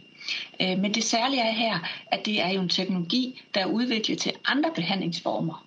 Ikke specifikt til, øh, til øh, vacciner, men der er nogen, der får en god idé til at sige, vi kunne måske prøve det her over mod vaccinerne. Og det er det, der i virkeligheden er øh, øh sagen her, det er de idéer undervejs, teknologiudviklingen, at øh, man skal tænke i det her som en dynamisk proces, der er ongoing. Øh, det særlige også omkring det her, det er, når vi står med fire vacciner, hvor de to af dem er på hold nu, øh, fordi øh, der muligvis er en række bivirkninger forbundet med dem. Det er jo det, man er ved at undersøge. Det er jo en anden del af det, det er risikoafdækning. At tænk, hvis nu det havde været mRNA-vaccinerne, der havde haft den her øh, bivirkning. Det var dem, der skulle have været på hold. Men det, at man har flere typer vacciner, øh, sikrer jo øh, en mod den risici, det er, at der er bivirkninger forbundet med det. Så spredning af sin risiko øh, er er rigtig vigtigt. Og det er også derfor at billedet af, at Danmark har gjort det rigtige, altså købt ind på en række af vaccinerne og købt rigeligt ind, øh, hvormed der både er grundlag for, at der er nogen, der ikke bliver til noget, og der er nogen, der viser sig at have senere bivirkninger. Vi ved jo heller ikke, om, om messenger-RNA'en øh, kunne få en række bivirkninger, vi ikke har set endnu øh, hvilket vi i hvert fald ikke håber. Men det er jo, vi, vi, vi er jo i en situation, hvor det er meget lidt viden, vi har endnu om, øh, om øh, hvordan øh, effekten og bivirkningerne er i de her. Forløbig ser det jo øh, meget, meget positivt ud. Og når man så har sådan et øh, fantastisk månelanding, som det bliver kaldt, hvorfor kan man så ikke have det øh, øh, på, til, til rådighed med det samme? Så hele produktionskapaciteten er øh, jo øh, det, vi taler om. Og, og jeg kan ikke gøre det bedre, end, end Camilla Fogh øh, har, Fogh har, har vist, altså den kompleksitet, der er bundet med det. Men jeg kan knytte nogle ord til det. Øh, altså Pfizer, som producerer øh, den første her mRNA-vaccinen, de, øh, til produktionen af det har de 280 materialer øh, fra 46 globale sites i 19 lande. Så viser jo den her globale produktionskæde, forsyningskæde også, vi har bæredygtigheden, der skal være til under os. Altså, at det ikke er et lille land som Danmark, der kan stå for alle de her øh, ingredienser og øh, koge, for alt fra kogekar til bygninger til særlige former for øh, isolation og sikring af, at vaccinerne ikke øh, på, tager skade osv. osv. osv. Den kompleksitet, der er forbundet med det, det er øh, kræver en meget stor bæredygtighed. Øhm, og med bæredygtighed mener jeg ikke grøn energi, men et, et befolkningsunderlag, en specialisering, øh, store lande, der kan sikre, at man har alle de specialiseringer til rådighed. Og det er derfor, at øh, global tænkning, i hvert fald international tænkning, er vigtig her. Øh, øh, der er ikke noget, der tyder på, at Danmark ville kunne gøre det her øh, alene, øh, men vi vil kunne gøre det sammen med nogen. Øh, og det er derfor at tænke i europæisk regi, øh, eller øh, mere internationalt regi. Og det er jo også øh, den linje, man, man har lagt. Altså gå i samarbejde med andre lande omkring det her. Øh, og det er jo der, USA er førende. Når vi ser på lægemiddeludviklingen i Europa over for USA, så må vi bare sige, at USA har taget føretrøjen på for adskillige år siden. Og det skyldes jo ikke mindst manglende investeringer, men også manglende samarbejde. Øh, så, så hvis jeg øh, skal sige noget øh, øh, her og give nogle gode råd, så er det fuldstændig som de foregående aftaler, at, øh, at have en plan for det. Men, men problemet med planer, det er jo, hvis man, man skal jo vide, hvad det er, der kommer, før man kan lægge en plan. Man kan holde et beredskab. Og når vi kommer lidt længere hen øh, på den anden side af, af krisen, så vil vi jo have produceret til et andet niveau. Øh, der er jo en voldsom gang i opskaleringen her, og vi vil komme til et niveau, hvor vi øh, kan tale om en mere øh, rutinesituation. Øh, tænkning i den situation, hvor vi skal øh, eventuelt revaccineres hver, hvert år eller hvert andet år. Men altså tænke i risikoafdækning, tænke i øh, europæisk internationalt samarbejde for at sikre, at vi har den specialisering, der skal være til rådighed. Øh, sikre, at øh, der er forskning og investeringer i øh, forskning og i øh, kompetencer. Men også afdække, hvad der er produktionskapacitet. For den situation, vi er i nu, det er, selvom selvom opskriften på messenger-RNA-vaccinen lå på nettet, så ville man ikke kunne producere lige nu. Øh, så, så, så det er jo ikke det, der begrænser det nu. Det er øh, kompleksiteten, specialiseringen, videns omkring det og, og øh, producere så stor en, og ny øh, viden på så kort tid. Så risikoafdækning, øh, sikre forsyningskæderne, øh, europæisk internationalt samarbejde, fortsat teknologiudvikling øh, og samarbejde offentligt-privat. Øh, øh, jeg tror, at vi til enhver tid vil stille op til øh, et øh, samarbejde med staten om, hvordan vi sikrer, at vi fremadrettet øh, kan øh, øh, sikre os bedre mod en, en, en øh, pandemi, øh, som vi ser, og som jo desværre godt kunne fortsætte, som man ser mere ind i. Øh, men vi har jo også et, et, et, et en øh, en stor opgave i at sikre, at øh, hele verden bliver forsynet med vacciner. Øhm, øh, nu kan vi tage os selv øh, som en vigtig del af det, men hvis vi skal tilbage til den normal, vi havde før, så er det jo et, globalt problem, vi har her. Så risikoafdækning, overblik, samarbejde og så tænke i europæiske eller internationale baner. Det tror jeg, det er vejen frem. Så tror jeg, jeg giver ordet til Peter. Tak for det, øh, Ida, og, øh, og tak for, for invitationen og muligheden for at bidrage med, øh, med Dansk Industris input her til Sundhedsudvalgets øh, høring. Øh, jeg vil starte med at sige, at jeg er selvfølgelig meget enig med, med mine forgænger og, og samarbejdspartner Ida Sofie fra Lægemiddelindustriforeningen, særligt i betragtningen omkring det, de globale karakteristika, som vaccineproduktionen har i dag. Det er også blevet øh, illustreret af de, de to første øh, oplægsholdere. Øh, Øhm, også tak til jer for, for rigtig interessante øh, oplæg. Så det har en global, øh, grænseoverskridende øh, natur i dag, øh, og, og vi er også helt enige med, med Lægemiddelindustriens i, at, at det ikke er patenter, der, der er problemet her. ja, det kan vi måske tage under, under spørgerunden. Men altså helt kort, øh, pandemien har, har vendt op på, på alle hverdag, øh, herunder også de virksomheder, som, som øh, inden for life science-sektoren, øh, som udvikler og producerer øh, øh vacciner. Øh, og der er jeg enig med, med, med LIFI i, at, at vi skal sigte mod globale løsninger og undgå pandemi eller vaccinenationalisme. Øh, Men jeg vil dog supplere øh, med, at de globale markedsløsninger øh, skal, skal suppleres med europæiske og nationale løsninger på et vaccineberedskab øh, baseret på offentlig-privat samarbejde, som, som også øh, flere af de tidligere oplægsholdere har, har været inde øh, på. Altså vi mener grundlæggende, at alle muligheder for at sikre Danmarks øh, tilstrækkelige forsyninger af, af vacciner øh, på længere sigt skal, skal undersøges. Men, men det er vigtigt, at en, øh, en national indsats øh, bliver koordineret med, med det, der foregår både på, på europæisk og, og globalt øh, plan. Øhm, altså, blot for at illustrere øh, den her grænseoverskridende natur og kompleksitet, så kan man jo bare nævne, at øh, Pfizer-BioNTech er et resultat af et amerikansk-tysk samarbejde, AstraZeneca er et resultat af et svensk-engelsk samarbejde, og selv det danske Adapvac-vaccine, som er ved at blive udviklet, og som Bavarian Nordic har købt rettighederne til, øh, indgår i et EU-finansieret forskningssamarbejde, hvor Københavns Universitet blandt andet samarbejder med hollandske og tyske universiteter. Øh, bare for at illustrere øh, kompleksiteten i det her, øh, som Ida Sofie også var inde på. Øh, og derfor er det vigtigt set i vores øjne, at, at et dansk vaccineberedskab bliver indrettet så agilt som muligt, sådan at vi kan koble de kapaciteter øh, og de kompetencer, vi har her til lands. Øh, for eksempel dansk forskning, øh, dansk kontraktfremstilling af vacciner, for eksempel på licens, dansk fyldekapacitet osv., at vi kan koble de delkomponenter til for eksempel et europæisk koordineret vaccineberedskab, der også øh, kan involvere globale øh, vaccineproducenter. Vi skal simpelthen ikke udelukke nogen muligheder for at sikre forsyningssikkerheden se med vores øjne. Øh, det er ikke nødvendigvis derfor vigtigt for os, at Danmark bliver selvforsynende fra på A til Z, altså lige fra forskning og udvikling til produktion og distribution. Men i stedet, at danske forskere, øh, danske myndigheder og danske life science virksomheder ikke mindst, kommer til at spille en central rolle øh, i, øh, i, hvad hedder det, i vaccineproduktion og, og udvikling. Og der har vi heldigvis rigtig gode forudsætninger. Vi har, vi har nogle, nogle førende virksomheder på, øh, på området, og der vil jeg blot nævne øh, to navne, som også blev nævnt tidligere, Bavarian Nordic og, og hvad hedder det, AJ Vaccines, øh, det tidligere Serum Instituts vaccineproduktion, som er vaccineproducenter her i Danmark. Men vi har også en, en kontraktfremstiller, øh, AGC Biologics, det tidligere CMC Biologics, øh, som ligger øh, blandt andet i, i Søborg, som, som er aktører her i, i, i Danmark, der, der vil kunne øh, øh bringes i spil.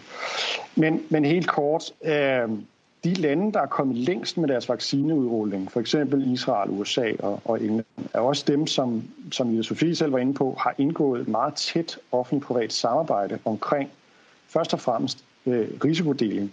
Altså den finansielle risiko, der er ved at udvikle og producere vacciner, som man måske ikke kender efterspørgselen på, når man går i gang.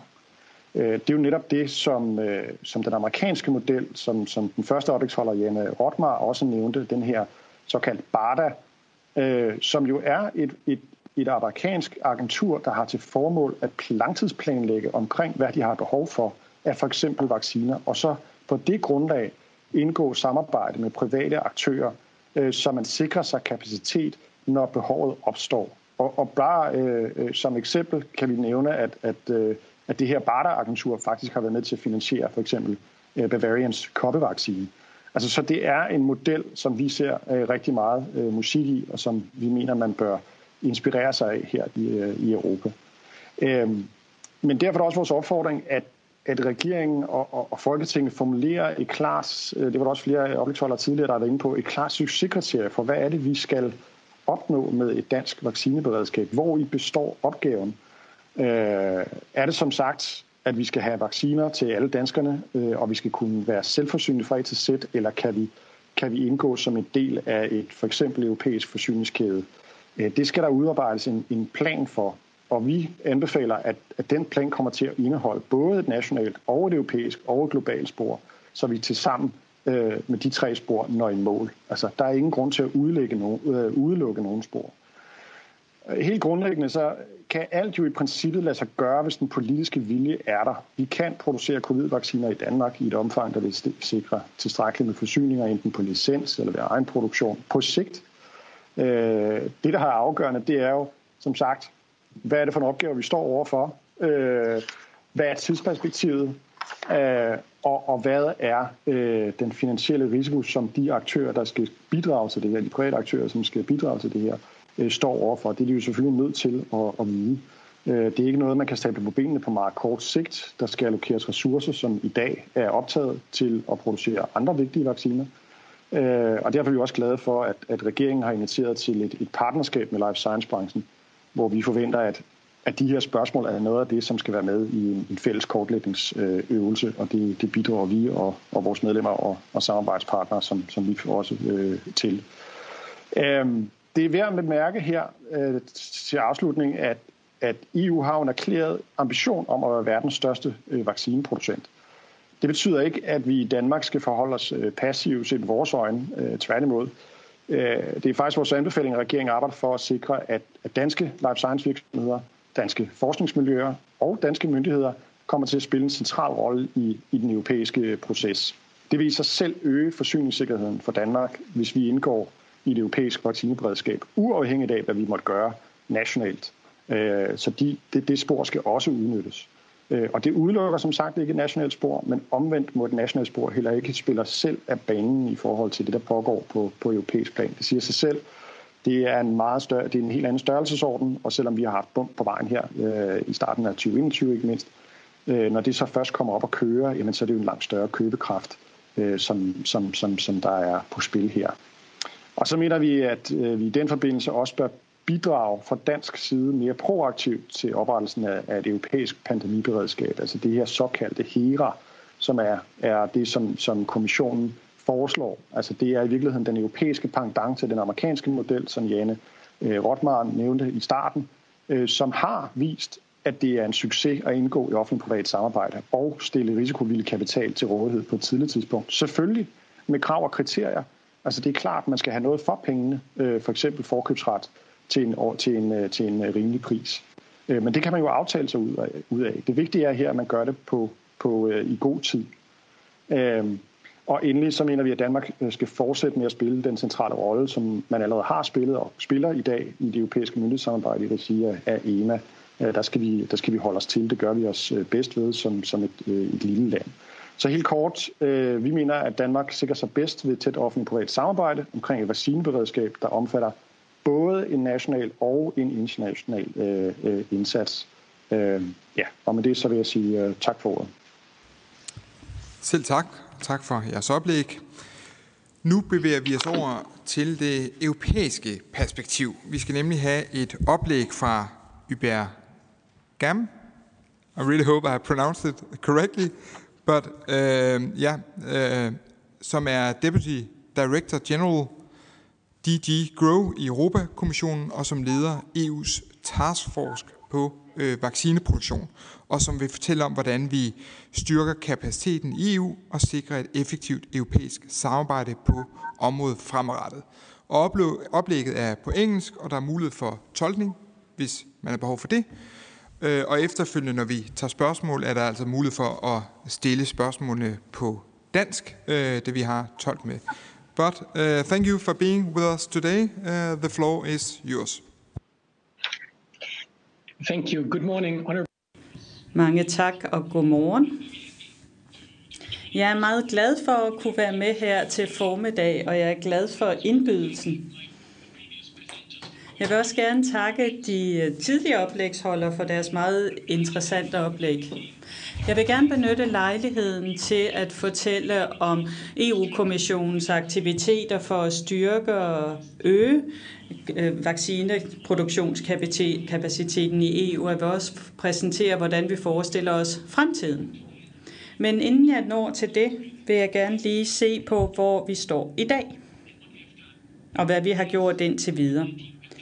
Fordi med covid-19-pandemien øh, har virksomheder produceret vacciner på omkring 10 måneder. Det er noget, der ellers tager adskillige år. Så det er simpelthen fuldstændig uhørt hurtigt, det er gået. Og jeg er overbevist om, at det ville ikke have været muligt uden samarbejde på europæisk niveau og på internationalt niveau. Og her tænker jeg på samarbejde mellem offentlige og private virksomheder. Indtil videre har EU sikret 2,6 milliarder doser, og vi er nok det kontinent, der har flest vacciner. Fire er allerede godkendt, og en femte bliver godkendt meget snart, forventer vi. Og som det er blevet nævnt af Ida Sofie øh, Jensen, så det at bruge forskellige vaccineplatforme er noget, der har vi, der har udbredt øh, eller spredt risikoen for os, fordi da vi indgik aftalerne om vaccinerne, så var det slet ikke klart, hvem der ville komme først, og om vaccinerne ville være sikre og alt det der.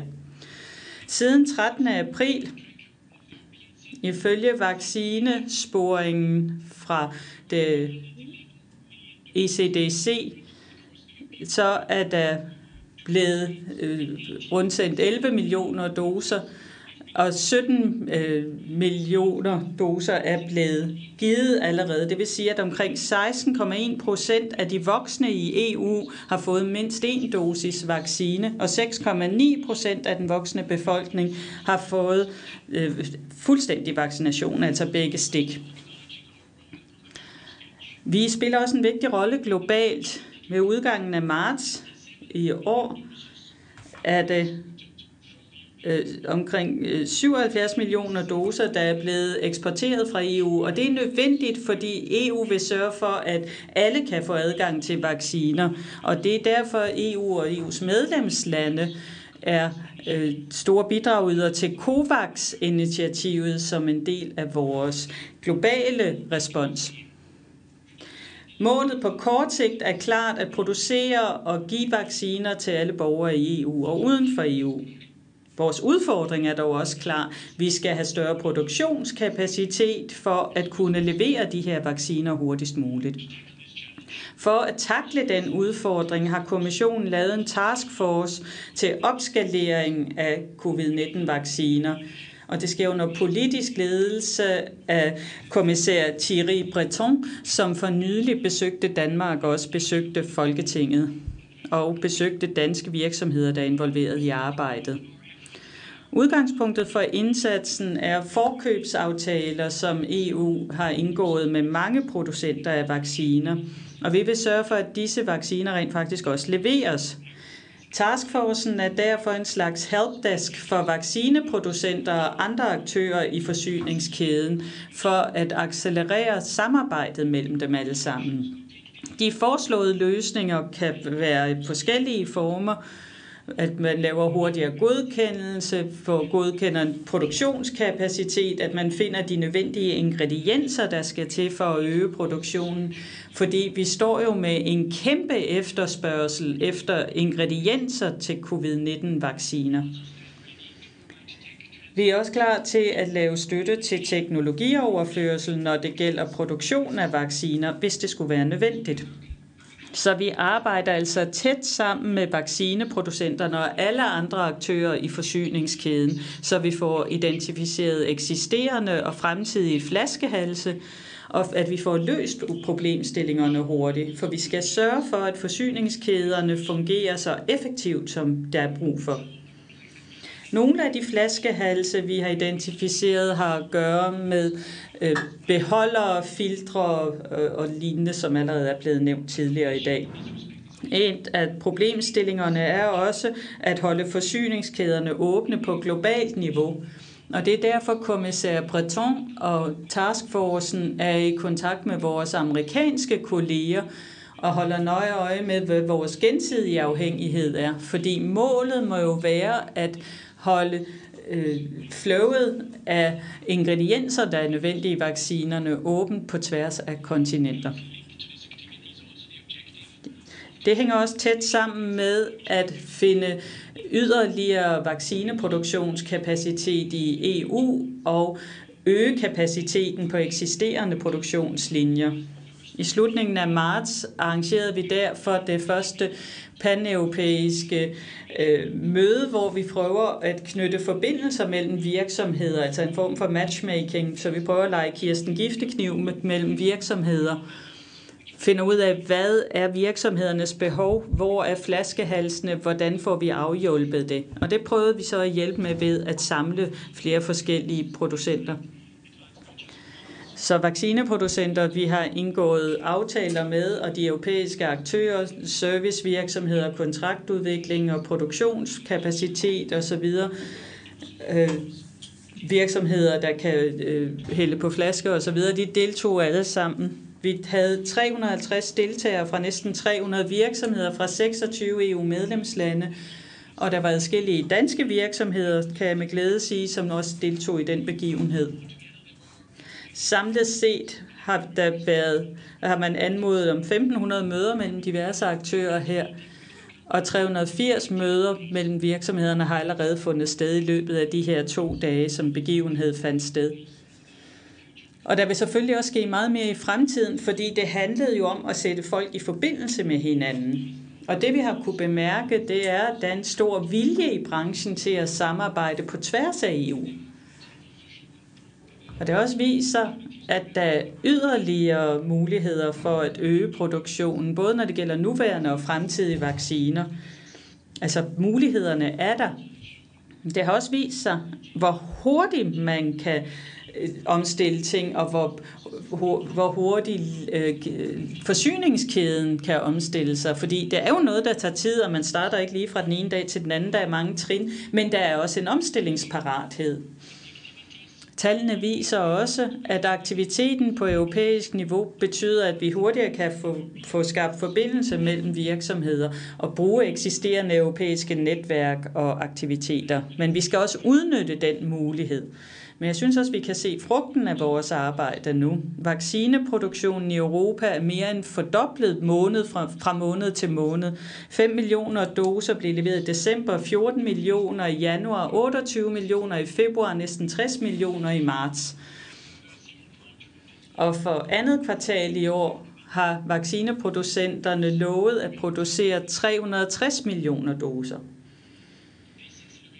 Denne accelerering af produktionskapaciteten vil i høj grad bidrage til at nå de mål, vi har sat sammen om, at omkring 70 procent af den voksne befolkning i Europa skal være vaccineret, når vi når sommeren. Men indsatsen standser jo ikke her. Det er selvfølgelig vigtigt ikke at øh, glemme de medie, øh, øh, målene på mellem og lang sigt.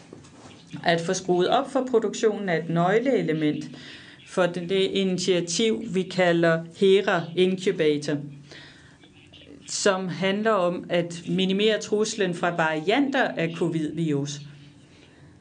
Og der er planer for, hvordan vi bliver bedre til forebyggelse, behandling og øh, reaktion på eventuelle varianter. Gennem HERA får vi taget første skridt til at få et, en bedre beredskabsplan i den biologiske forsvar i EU.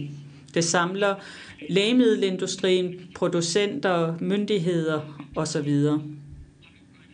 Og man bruger offentlige private samarbejder, og på den måde vil HERA også overvåge varianterne og fokusere på hurtigere produktion og godkendelse af tilpassede vacciner. Det er også noget, der betyder, at vi hurtigt kan tilpasse vaccinerne og at vi laver et europæisk netværk for kliniske forsøg, fordi alt skal jo gennem kliniske forsøg, og derfor har vi også brug for et ordentligt netværk, så vi kan gøre, lave de kliniske forsøg hurtigst muligt, og dermed få vaccinerne på markedet hurtigst muligt. Vi ser også på, hvordan vi kan aktivere fremtidig produktionskapacitet og dermed laver et, en slags europæisk netværk for kapaciteten, og vi prøver at se på, hvordan organiserer vi bedst det i fremtiden. Vi har de her fremragende vacciner, vi har forskning og udvikling, og vi har altså også produktionskapaciteten, og det hele skal flettes sammen, for det er afgørende for vores beredskab for fremtiden. HERA vil danne grundlag for en egentlig myndighed for øh, et beredskab for biologiske trusler.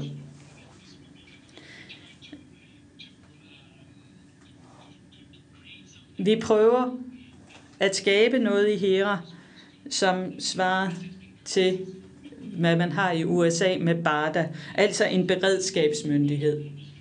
Den vil inddrage industrien, forskningen, universiteter og kliniske forskningsnetværk for at få sikre en vellykket implementering af offentlig-private projekter.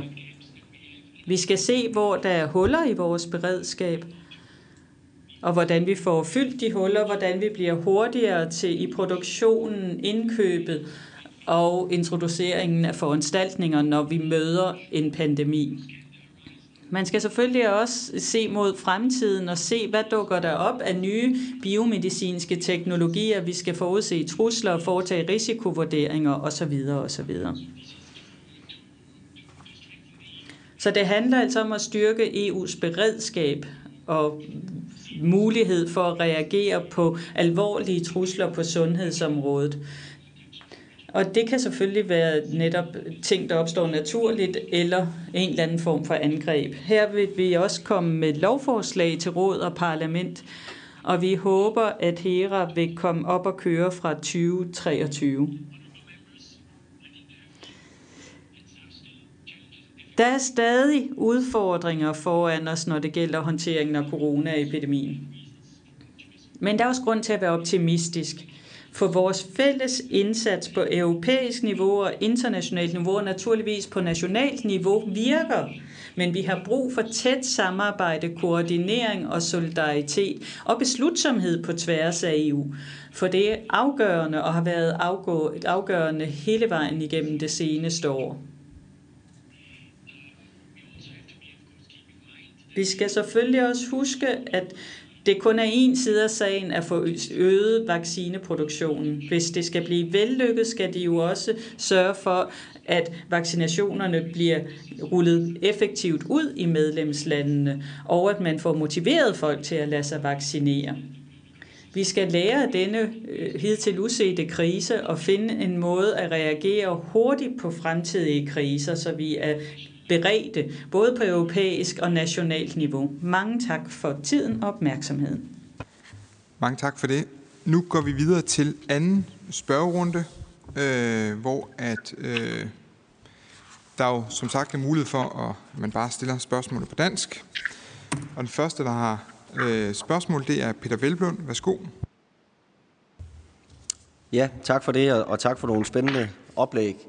Øhm, jeg vil godt starte med at kvittere både til, til Lægemiddelindustriforeningen og, og til DI Life Science øh, i forhold til, til, den, øh, til de bidrag, der er kommet fra, fra lægemiddelindustrien i forhold til at få udviklet vaccine, for det er rigtigt, det er jo gået øh, rigtig hurtigt. Øh, og jeg er jo fuldstændig enig i, at, øh, at vi ikke skal udelukke øh, nogle muligheder i forhold til at øge øh, vaccineproduktionen, og at det selvfølgelig er noget, der skal foregå i et fælles internationalt samarbejde.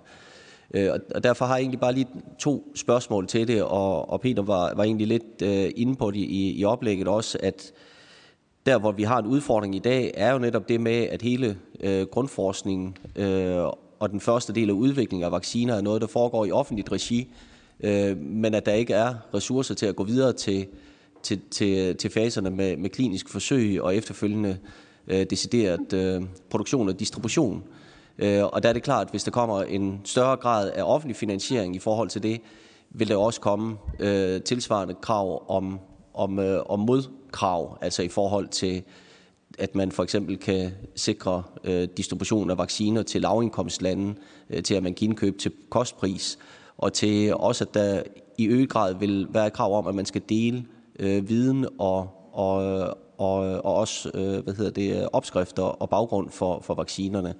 Og der skal jeg bare høre om jeres tilgang til, til den del af det, og selvfølgelig også til det dilemma, der ligger i forhold til, at der er nogle øh, vacciner, øh, der er også øh, antibiotika for eksempel, hvor man kan sige, at der er ikke et stort øh, efterfølgende mulighed for at kunne tjene penge på det. Det samme gør sig gældende for vacciner af tuberkulose for eksempel, som vi har gået i 90 år uden at få en ny øh, vaccine. Altså der er der jo en udfordring i forhold til de produkter, som ikke er rentable på et marked. Hvordan sikrer vi en både forskning og udvikling, og også efterfølgende produktion og distribution af dem. Øh, og det kunne jeg godt tænke mig lige at høre jeres bud på. Øh, og så har jeg et spørgsmål til, til Hubert øh, også, øh, og det, det relaterer sig til lidt det samme, altså i forhold til, hvis man fra kommissionens side eller fra EU's side går ind og, og, og øger øh, investeringerne i, i vacciner, øh, i hvilket omfang vil kommissionen så være villig til at stille krav, altså stille modkrav om for eksempel øh, vidensdeling øh, for, de, øh, øh, for den teknologi, der ligger bag vaccinerne, så vi kan sikre, at flere kan komme til at producere. Og, og i samme ombæring, øh, hvordan vil man sikre, at der bliver mere åbenhed omkring de kontrakter, der er indgået mellem EU-kommissionen og vaccineproducenter? Fordi der har vi jo oplevet i den her proces, at det har været meget vanskeligt øh, og få adgang til, til de kontrakter øh, og se indholdet af dem, og dermed også, hvilke muligheder man havde for at, øh, at stille krav øh, om modydelser eller eventuel kompensation. Øh, og i hvilket omfang er, er, er EU-kommissionen villig til at, at se på det spørgsmål om at stille deciderede modkrav øh, i forbindelse med investeringer. Øh, og så til sidst til Hubert også, øh, at hele spørgsmål omkring øh, COVAX, Øh, øh, hvad hedder det, bevillingerne dertil, fordi der er det jo rigtigt, at der i EU er, er indkøbt vacciner til omkring 2,6 milliarder øh, doser. Øh, vil man fra EU-kommissionens side være villig til at, at donere overskydende doser øh, i det omfang, det kan lade sig gøre rent logistisk til, til COVAX, eller på anden måde øh, sikre, at lavindkomstlande får adgang til dem? Tak for det. Jeg tror, vi tager Liselotte Blix med denne omgang. Værsgo. Mange tak, og mange tak til de tre oplægsholdere. Og det er sådan meget, at nu var Peter Velblund inde på mange af de spørgsmål, som jeg også havde i det her forhold med, når man sætter offentlige midler til en produktion, øh, og man laver en kontrakt. Nu har vi lige hørt om, hvor vigtigt det er, at man i kontrakten netop øh, beskriver, at øh, det skal, når der går offentlige midler til, så skal man kunne øh, producere det andre steder og give oplysninger videre osv. Og øh, jeg har også øh, spurgt ministeren, om vi kunne få øh, oplysninger om de kontrakter, der er blevet lavet fra EU's side, for at se, jamen, hvad står der i den kontrakt. Også fordi, at vi blev lovning på nogle vacciner, og når vi så modtager dem, mm, så modtager vi ikke dem, som man faktisk har en kontrakt på. Og vi, vi ved faktisk ikke, hvad der står i kontrakten. Pludselig laver man også om på, hvor mange doser, der kan hives op af et hætteglas. Det ved vi heller ikke, om indgår i kontrakten, at man bare kan ændre det. Så, så jeg synes, man køber katten i sækken, når man blot siger, jamen den ligger der, og så skal vi bare være glade at tage imod i den rækkefølge, det gør. Øh, vi har så øh, poset nogle penge i det, øh, og det gør også, at øh, vi har behov, og jeg mener også, at vi har krav på at vide, hvad der står i de kontrakter, og man har glemt i gåsøjne at skrive, at man faktisk skal, skal kunne alle de her ting, som øh, man taler om fra de andre side. Øhm, så, så det er noget af det samme, som nok lægger sig meget op af Peters øh, spørgsmål. Og nu, ja, da jeg lige hørte Dansk Industri, som lød som, vi kunne bare øh, øh, lave vaccinerne herhjemme. Altså, jeg synes, øh, nu har vi lige hørt nogle andre, der siger, at det er meget vanskeligt, og så er der nogle andre, der siger, at det kan vi bare gøre. Øh, jeg tror stadigvæk, at det er godt, som mange er inde på, også et, øh, et øh, offentligt-privat samarbejde, øh, hvor man hjælpes ad. Og derfor skuffer det mig, at man måske ikke gjorde mere for den industri herhjemme, som faktisk råbte op øh, ret tidligt. Øh, og jeg tror, de, de, de fik øh, 20 millioner eller 10 millioner til øh, hjælp fra EU. Øh, så, så dansk virksomhed var ikke nogen af dem, der blev prioriteret af de virksomheder. Kunne man ikke, Altså, hvad, hvad, hvad, hvad var grundlaget for, at de virksomheder, som nu i England og i Frankrig og de andre steder, fik øh, massivt af millioner til at øge produktionen? Hvad gjorde, at man ikke gav mere til for eksempel en virksomhed som øh, Bavarian Nordic, der selv har måttet lave et kæmpestort arbejde for at få nogen til at investere i det, og som kunne have været langt fremme nu i forhold til, hvad de er, hvis man havde investeret øh, hos dem også. Så det vil være mine spørgsmål. Tak. Tak for det. Hvem vil lægge for? Øh, det jeg vil... gør det. Det vil jeg gerne. Værsgo. Tak skal du have. Øhm, Peter, Peter Velblom spørger om uh, virkeligheden tech-trans-reglerne Øh, altså når man har offentlig forskning, øh, der overføres til kommercialisering. Øh, og der har vi jo en lang række regelsæt i Danmark, øh, herunder at, øh, at hvem har ejerskabet til viden, til ideen, øh, og hvad skal man betale, når man øh, kommercialiserer det. Øh, det er simpelthen et, et regelsæt, som jo følges, og som jo også er EU-reguleret. Øh, det, der er særligt, det er, at der skal oftest meget stor kapital til for at sikre, at man går fra idé, fra grundforskning og til en egentlig mulighed for, at det kan blive et produkt, som man kommer frem til øh, patienterne med. Og hele den finansieringskæde der, den er jo alt fra, øh, og der kan du dele det ind i en række øh, forskellige risikovillige kapital, og det kan vi måske tage et, et møde om en gang, Peter Velt, når man går mere i, i detaljen med hele kapitalrækken, fordi det er lige fra risikovillig og mere øh, øh, Øh, og mere øh, avanceret i forhold til, hvor langt man går i sin øh, kapitalrejsning. Fordi der er ingen tvivl om, at dem, der rejser kapitalen, dem, der øh, sætter sine penge i det her, de vil have noget igen. Øh, de vil have øh, sikkerhed for deres penge. Afhængig af, hvor risikovillig du er, øh, så koster pengene noget mere, altså investeringen noget mere. Og hvorfor man ikke har investeret i den danske øh, øh, øh opfindelse, men øh, Øh, til Holland eller finde andre, der vil det, øh, det kan jeg jo ikke svare på. Andet end, at øh, det er jo øh, heller ikke øh, offentlig kapital som sådan. Det offentlige investerer, staten Danmark investerer jo ikke direkte i virksomheder, men de investerer jo nogen, via nogle af deres fonde, altså Innovationsfonden og andre. Øh, og de, hvorvidt de har vurderet, at de ikke skulle det, øh, det kan jeg ikke svare på. Øh, men det er en meget konkret vurdering af, om øh, der er et øh, tilbageløb i forhold til ens investering, og hvad det skal koste, og hvilken sikkerhed man har for det.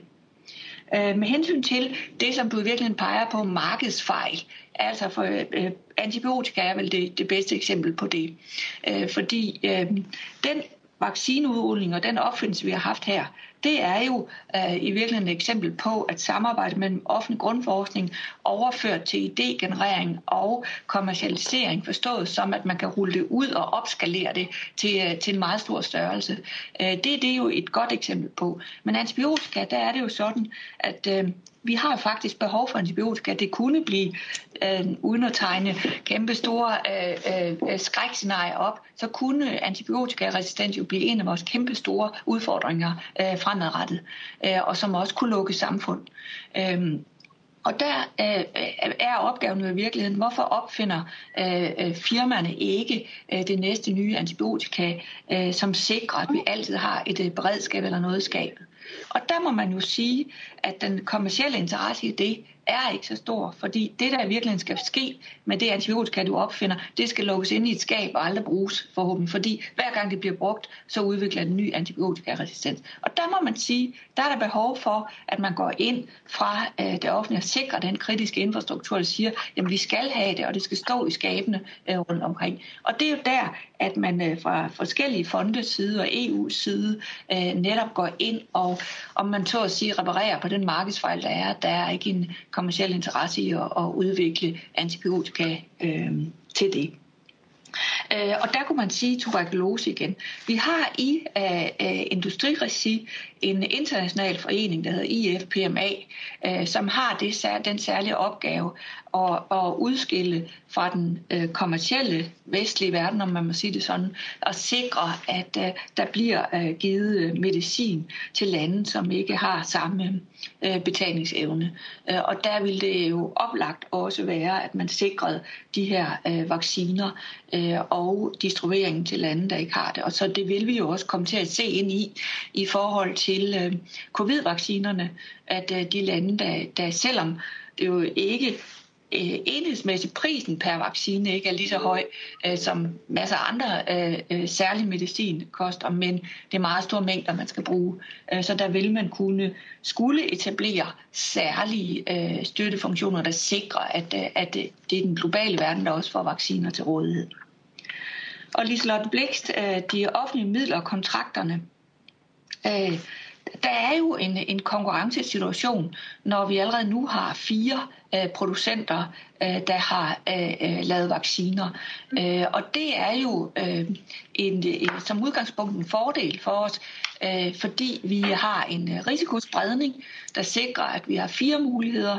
Øh, men hvad der har stået i de kontrakter, eller hvad der står, øh, hvor meget man skal levere, hvornår man skal levere det, hvis man ikke kan osv., det øh, kan jeg af gode grunde heller ikke svare på. Øh, jeg kan svare på, at når du siger øh, det med, at man så fik ved at vide, at der var seks doser eller fem doser, og så kunne man trække seks op, der, der må man også bare sige, at øh, de regulatoriske forhold, altså de regelsæt, der, der man underkastes som industri, og der findes jo ikke nogen industri, der er mere reguleret end lægemiddelindustrien, af gode grunde, fordi det er farligt Øh, noget af det, man har med at gøre. Øh, så derfor øh, bakker vi jo fuldstændig op under en myndighedsregime, der hedder, at man skal godkendes helt ned i detaljen.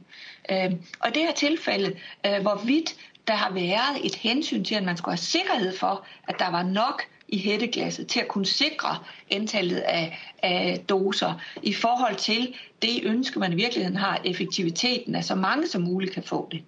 Øh, der kunne jeg godt øh, øh, pege på andre eksempler, hvor man i en særlig situation på et hospital til en kræftbehandling skulle være helt sikker på, at der var nok i hætteglasset. Og det er den modsatte ønske i forhold til en vaccine, hvor hvis man kan trække en mere ud, så har man altså 16 procent mere effektivitet. Hvorvidt det også er en del af kontrakten, det er sådan, som jeg har fået det fortalt, øh, er det. Øh, og Hvorvidt I kan få det at se, det skal jeg heller ikke kunne sige. Men, øh, men man kan jo i hvert fald sige, at når man er i en konkurrencesituation, så er kontrakten jo jeres købermagt. Det er jo dem, der indkøber vaccinen, som kan sætte det op og sikkerhed for, at de får deres interesser og deres prioriteter dækket. Så det er dygtige indkøbsfolk, I skal have øh, på EU-regi, og med selvfølgelig kontakt øh, fra dansk side. Så lad os blot bare lige sige, at når man taler om dansk opfindelse, så skal man jo huske på, at dem, der ejer den danske opfindelse, og det er jo så en blanding formentlig af universiteterne, og så de enkelte forskere, øh, der ejer den opfindelse, de vil jo kunne sælge den opfindelse til andre steder, og så er den lige pludselig ikke dansk mere. Øh, så, så den der med tænkning i meget national øh, tænkning, øh, er, er øh, øh, næppe holdbar i længden. Øh, vi har i dag jo glæde af øh, amerikanske og tyske opfindelser, svenske og engelske opfindelser. Øh, hele masser af dele af vores kræftbehandling er jo øh, øh, udenlandsk forskning. Til gengæld så forsyner vi øh, verden, halvdelen af verdens insulin øh, produceres i Kalamborg. Øh, og det er jo øh, i hvert fald også kritisk og livsvigtig medicin. Hvis andre lande lukkede sig omkring sig selv og tænkte nationalistisk i det, altså at de skal alle sammen have en insulinproduktion, så vil vi jo ikke have den eksport. Så den specialisering, der er geopolitisk, øh, er jo øh, en del af det, som vi for tiden i Danmark har stor, stor fordel af øh, økonomisk, at vi er netto-leverandør af øh, medicinske produkter. Men selvfølgelig skal man jo være opmærksom på, at lige netop i krisesituationer som pandemi og øh, antibiotikamangel, der er det jo afgørende, at man har sin kontraktlige øh, forhold i orden, og man har et samarbejde med andre, og man har et samarbejde med den private sektor også. Tak for det. Peter, har du noget, du vil supplere med her? Ja. Ja, ja, meget gerne. Øh, tak for det. Meget enig selvfølgelig øh, i det Sofies øh, indlæg. Blot supplere, som jeg hører Peter Velleblund, så, så stiller han spørgsmålet, hvordan får man egentlig stillet et, et krav til, til private vaccineproducenter, så det offentlige får, får sit behov øh, dækket. Og, og i forlængelse af Idas øh, indlæg her, altså det, det afhænger jo af den risiko, man er villig til at påtage sig som det ene, altså den finansielle risiko først og fremmest, og som det andet tidsperspektiv. Altså noget af det, der har fungeret for den amerikanske model, har jo været, at man allerede havde et agentur, der skulle tage sig af det her. Øh, jeg, jeg mener, den blev etableret allerede tilbage i starten af nullerne, øh, og hvor man netop er gået ind med en voldsom stor mængde penge og taget, påtaget sig en stor finansiel risiko på et tidligt tidspunkt og lavet nogle klare aftaler med, med de private producenter. Men til gengæld har man jo så også kunnet stille en helt række krav i langt højere grad, øh, end, end øh, for eksempel øh, vi har kunnet, fordi vi er, er kommet øh, sent ind i, i, i spillet om at, at sikre beredskab på, på vaccineområdet. Øh, og så skal man bare måske have en ting i mente.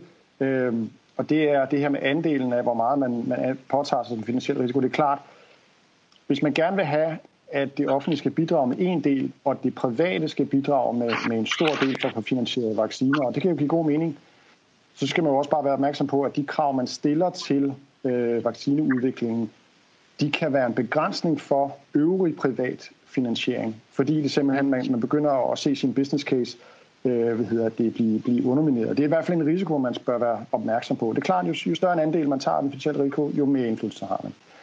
Øh, så, så spørger øh, Peter Belvården også til, til, til spørgsmålet eller udfordringen med tredje verdens lande. Øh, og, og, og vi er helt enige i princippet om, at, øh, at, at øh, ingen lande grundlæggende er sikre øh, for covid, før at alle lande er, er, er sikre, og det, det er et problem, øh, hvis vi bliver øh, udelukkende vaccineret i en del af verden, mens en anden del af verden ikke gør det. Og der har vi jo så det her øh, globale program, COVAX, øh, som har en målsætning om at, at uddele øh, 2 milliarder øh, vaccinedoser til, til, til 190 øh, lande. Så, så der er et program der, og det, det kan bakker vi kun op om, at, at, at vi også bidrager til fra, fra europæisk øh, hold. Så havde øh, Liselotte Blikst øh, to spørgsmål. Det ene var, hun, hun spurgte om, øh, kan vi virkelig gøre alt, som, som jeg fik sagt? Øh, det, det skulle ikke være en opfordring til, at vi skal gøre alt i, i Danmark øh, og, og blive selvforsynende. Det er ikke nødvendigvis øh, Øh, den, den, øh, den, den klogeste måde at, at sikre os på. Det var blot for at påpege, at hvis hvis tidsperspektivet er uendeligt, og hvis, hvis den politiske vilje og pengene er der, ja, så kan vi alt. Men vi risikerer jo selvfølgelig at etablere noget, som, som ikke har, har hvad hedder de, øh, en langsigtet bæredygtighed. Det skal, man, det skal man holde sig for øje. Og derfor er det også vigtigt, at vi ligesom får lavet den her problemformulering i fællesskab. Altså, hvad er det, vi skal kunne her i Danmark? Hvad er det for et behov, vi vil have dækket? Og så finde ud af, okay, hvem kan så løse det? Øh, er det en kombination af danske øh, aktører og europæiske, skorstræk globale, øh, og, og, og hvordan skal den rollefordeling være. Det, det, det er en planlægningsøvelse, som, som, som udstår øh, set med vores øh, øjne.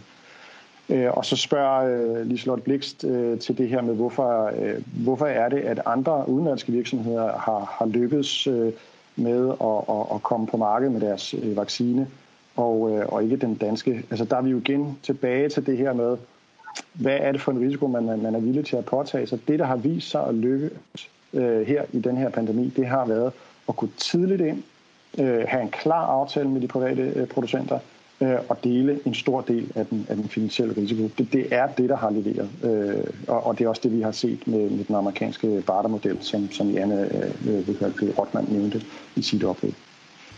Tak for, tak for det. det. Øh, uh, so, uh, øh, Hubert, do you want to comment on the... Hubert, vil du sige noget fra øh, hvad der er blevet sagt. Ja, tak. Først til vidensdelingen. Det er selvfølgelig vigtigt, når vi ser på situationen. De producenter, som EU har indgået forhåndskøbsaftaler med, og man ser på, hvordan de producerer, så er der et netværk af virksomheder, de samarbejder med til de forskellige trin og vi har bemærket, at der er stort samarbejde og meget øh, teknologioverførsel imellem dem for at sikre samarbejdet. Der er indgået licensaftaler med produktionsfaciliteter, og vi har ikke set, at det her har været en stor snublesten. Der er ikke noget her, der har forhindret produktionen af vaccinerne. Problemet ligger snarere i øh, leverancerne, øh, at man har utilstrækkelig produktionskapacitet. Og der samarbejder vi jo med dem for at forsøge at, at fjerne, få fjernet de begrænsninger. Man skal også huske, at i den intellektuelle ejendomsret, det er noget, der giver et incitament til at skabe noget nyt. Og de mest succesrige vacciner, vi har nu, bruger jo mRNA-teknologien, som er helt ny. Så der skal være incitament for virksomhederne til at udvikle deres nyskabelser. Men selvfølgelig står vi klar til at hjælpe øh, med teknologioverførselen, når der, er be, når der er behov for det. Det andet, jeg lige vil nævne, om transparensen og åbenheden i kontrakterne. Her vil jeg sige, Altså, kommissionen forhandlede de her kontrakter på vegne af medlemslandene, men medlemslandene var også en del af forhandlingerne, og det var vigtigt, for det var en fælles indsats. Og for mig er det udtryk for europæisk solidaritet, fordi målet er at sikre, at alle medlemslande får vaccinedoser, og at der ikke er konkurrence indbyrdes imellem EU-medlemslandene. Altså hvem der først blev betjent af producenterne osv., at vi der arbejdede sammen i EU. Det er vigtigt at huske. Kommissionen vil også fremhæve, at kontrakterne er fortrolige, fordi det er følsomme forhandlinger, der ligger bag. Og, det er et, og der er også følsomme forretningsoplysninger i kontrakterne. Men samtidig så går kommissionen jo meget op i åbenhed og transparens. Og derfor er vi hele tiden i, i kontakt med vaccineproducenterne om muligheden for at offentliggøre forhåndsaftalerne og købsaftalerne, der er indgået. Så vi har altså også øh, offentliggjort øh, delvis overstreget øh, kontrakter, CureVac, øh, kontrakten med AstraZeneca, BioNTech Pfizer og Moderna-kontrakten og også købsaftalen med Pfizer. De ligger på kommissionens hjemmeside, godt nok med nogle overstregninger, og vi forhandler med de øvrige producenter om at offentliggøre kontrakterne. Men kommissionen gør altså alt, hvad vi kan for at være så åbne og transparente som muligt. Og så vil jeg nævne COVAX, som der blev spurgt til. Altså støtten til COVAX-initiativet på internationalt niveau for at hjælpe lavindkomstlande med at få adgang til covid-vacciner er, er vigtig, fordi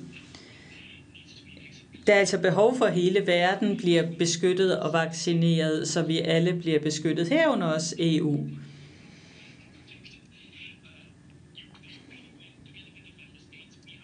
EU er sammen med medlemslandene nogle af de vigtigste bidragydere til COVAX-initiativet. Vi er den største eksportør af covid-19-vacciner allerede.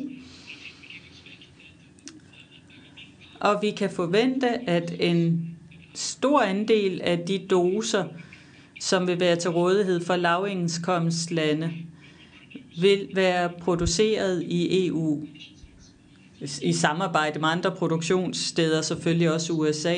Men USA fokuserer lige nu også meget på at få vaccineret deres egen befolkning. Men mange af doserne, der går til resten af verden, vil være produceret i EU. Altså dem, der går til tredje lande. Thank you. Peter, kan du gøre det kort? Ja. Så tager vi lige et par spørgsmål mere. Skal nå det? Værsgo, Peter.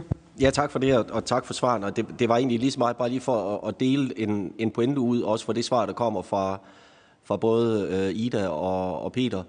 Øh, altså det, at, at når vi taler om, om vacciner, og når vi også øh, taler om antibiotika for eksempel, så, så er det jo nemlig ikke tilstrækkeligt at se på en business case, fordi det ikke kun handler om at kunne tilfredsstille øh, eller sikre mulighed for indtjening, men at det her det jo også handler om folkesundhed. Øh, og, og derfor er det jo bare, altså når vi snakker om risikovillig øh, kapital, så handler det jo i den forstand også om at være øh, villig til at risikere kapital for noget, man ikke får en indtjening på efterfølgende, fordi det netop har et øh, perspektiv i forhold til folkesundhed. Og, og der tror jeg bare, at det, det er en ret vigtig pointe at tænke ind i det her, at det her det handler om at få sikret et system, hvor øh, hensyn til folkesundheden også kommer til at veje, øh, eller det er det, der kommer til at veje tungest. Øh, og, så, og derfor så kommer det også til at skulle spille ind i i den øh, risikofordeling, der bliver i et offentligt-privat partnerskab. Øh, fordi det er klart, øh, at der skal også være en afvejning i forhold til de ting, man kan tjene penge på, som man kan producere, men også de ting, som man ikke kan tjene penge på, men som det er nødvendigt at producere. Ja, og vi har faktisk et spørgsmål udefra her, som jeg tænker, at vi også lige kan få tid til. Bent Fransen, er du med derude, Bent? Ja. Godt. Kan du høre mig? Ja. Bent, vil du øh, komme med din kommentar eller øh, spørgsmål? Ja, tak for det. Jeg hedder Bent Fransen og repræsenterer Expression Biotechnologies, som er en af samarbejdspartnerne med KU og AdaptVac øh, i den danske vaccine, som nu er licenseret til Bavarian Nordic. Og mit spørgsmål er, er der eller vil der blive lavet cost-benefit-analyser på den danske statsgevinst i form af eksport- og arbejdspladsmuligheder, hvis I går ind og sponsorerer, hvis den danske stat går ind og sponsorerer den danske vaccine? Tak for det. Øh, og jeg tror, vi prøver lige. Der er en sidste her. Charlotte øh, Ågaard. Er du, er du må godt øh, slukke mikrofonen, Bent? Og så prøver vi at se, om Charlotte er med os.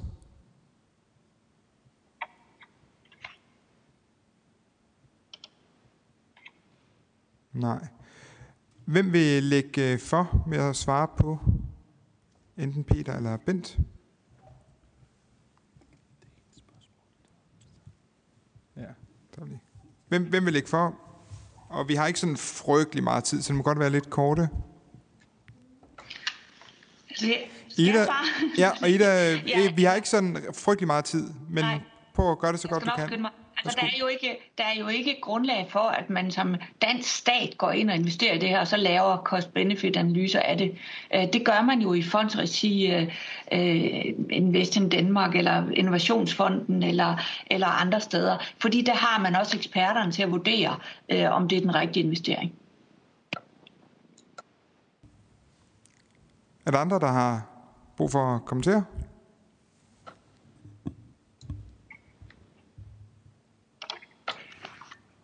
I, if I could. Yeah. Just on the on, on, on the question of uh, official. Bare lige om adgangen til produktionskapacitet i EU og brugen af det, og om patentrettigheder er et problem i den sammenhæng. Vores taskforce ser på, hvad er kapaciteten Men altså en af producenterne, der nu har indgået forhåndskøbsaftaler med EU, har så deres eget samarbejde med andre virksomheder. Det er stort set på plads. Men vi har også eksempler på, at det er noget, der først er blevet etableret i de seneste måneder. Men vi må hele tiden huske, at det tager tid at inddrage nye partnere. Det sker ikke fra den ene dag til den anden. Der skal også ske en godkendelse fra myndighedernes side, der er teknologioverførselen osv.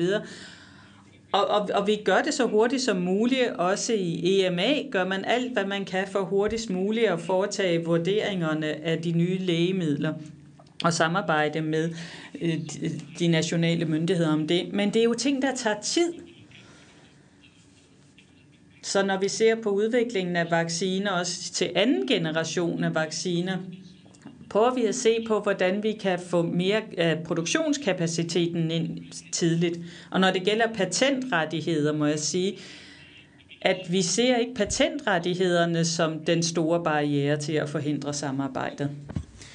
Nu er vi ved vejs ende. Øh, jeg vil gerne øh, først og fremmest på vegne af udvalget takke vores oplægsholdere. Det har været nogle meget, meget spændende øh, og berigende oplæg, som har givet os øh, stof til eftertanke og givet os øh, noget at arbejde videre med.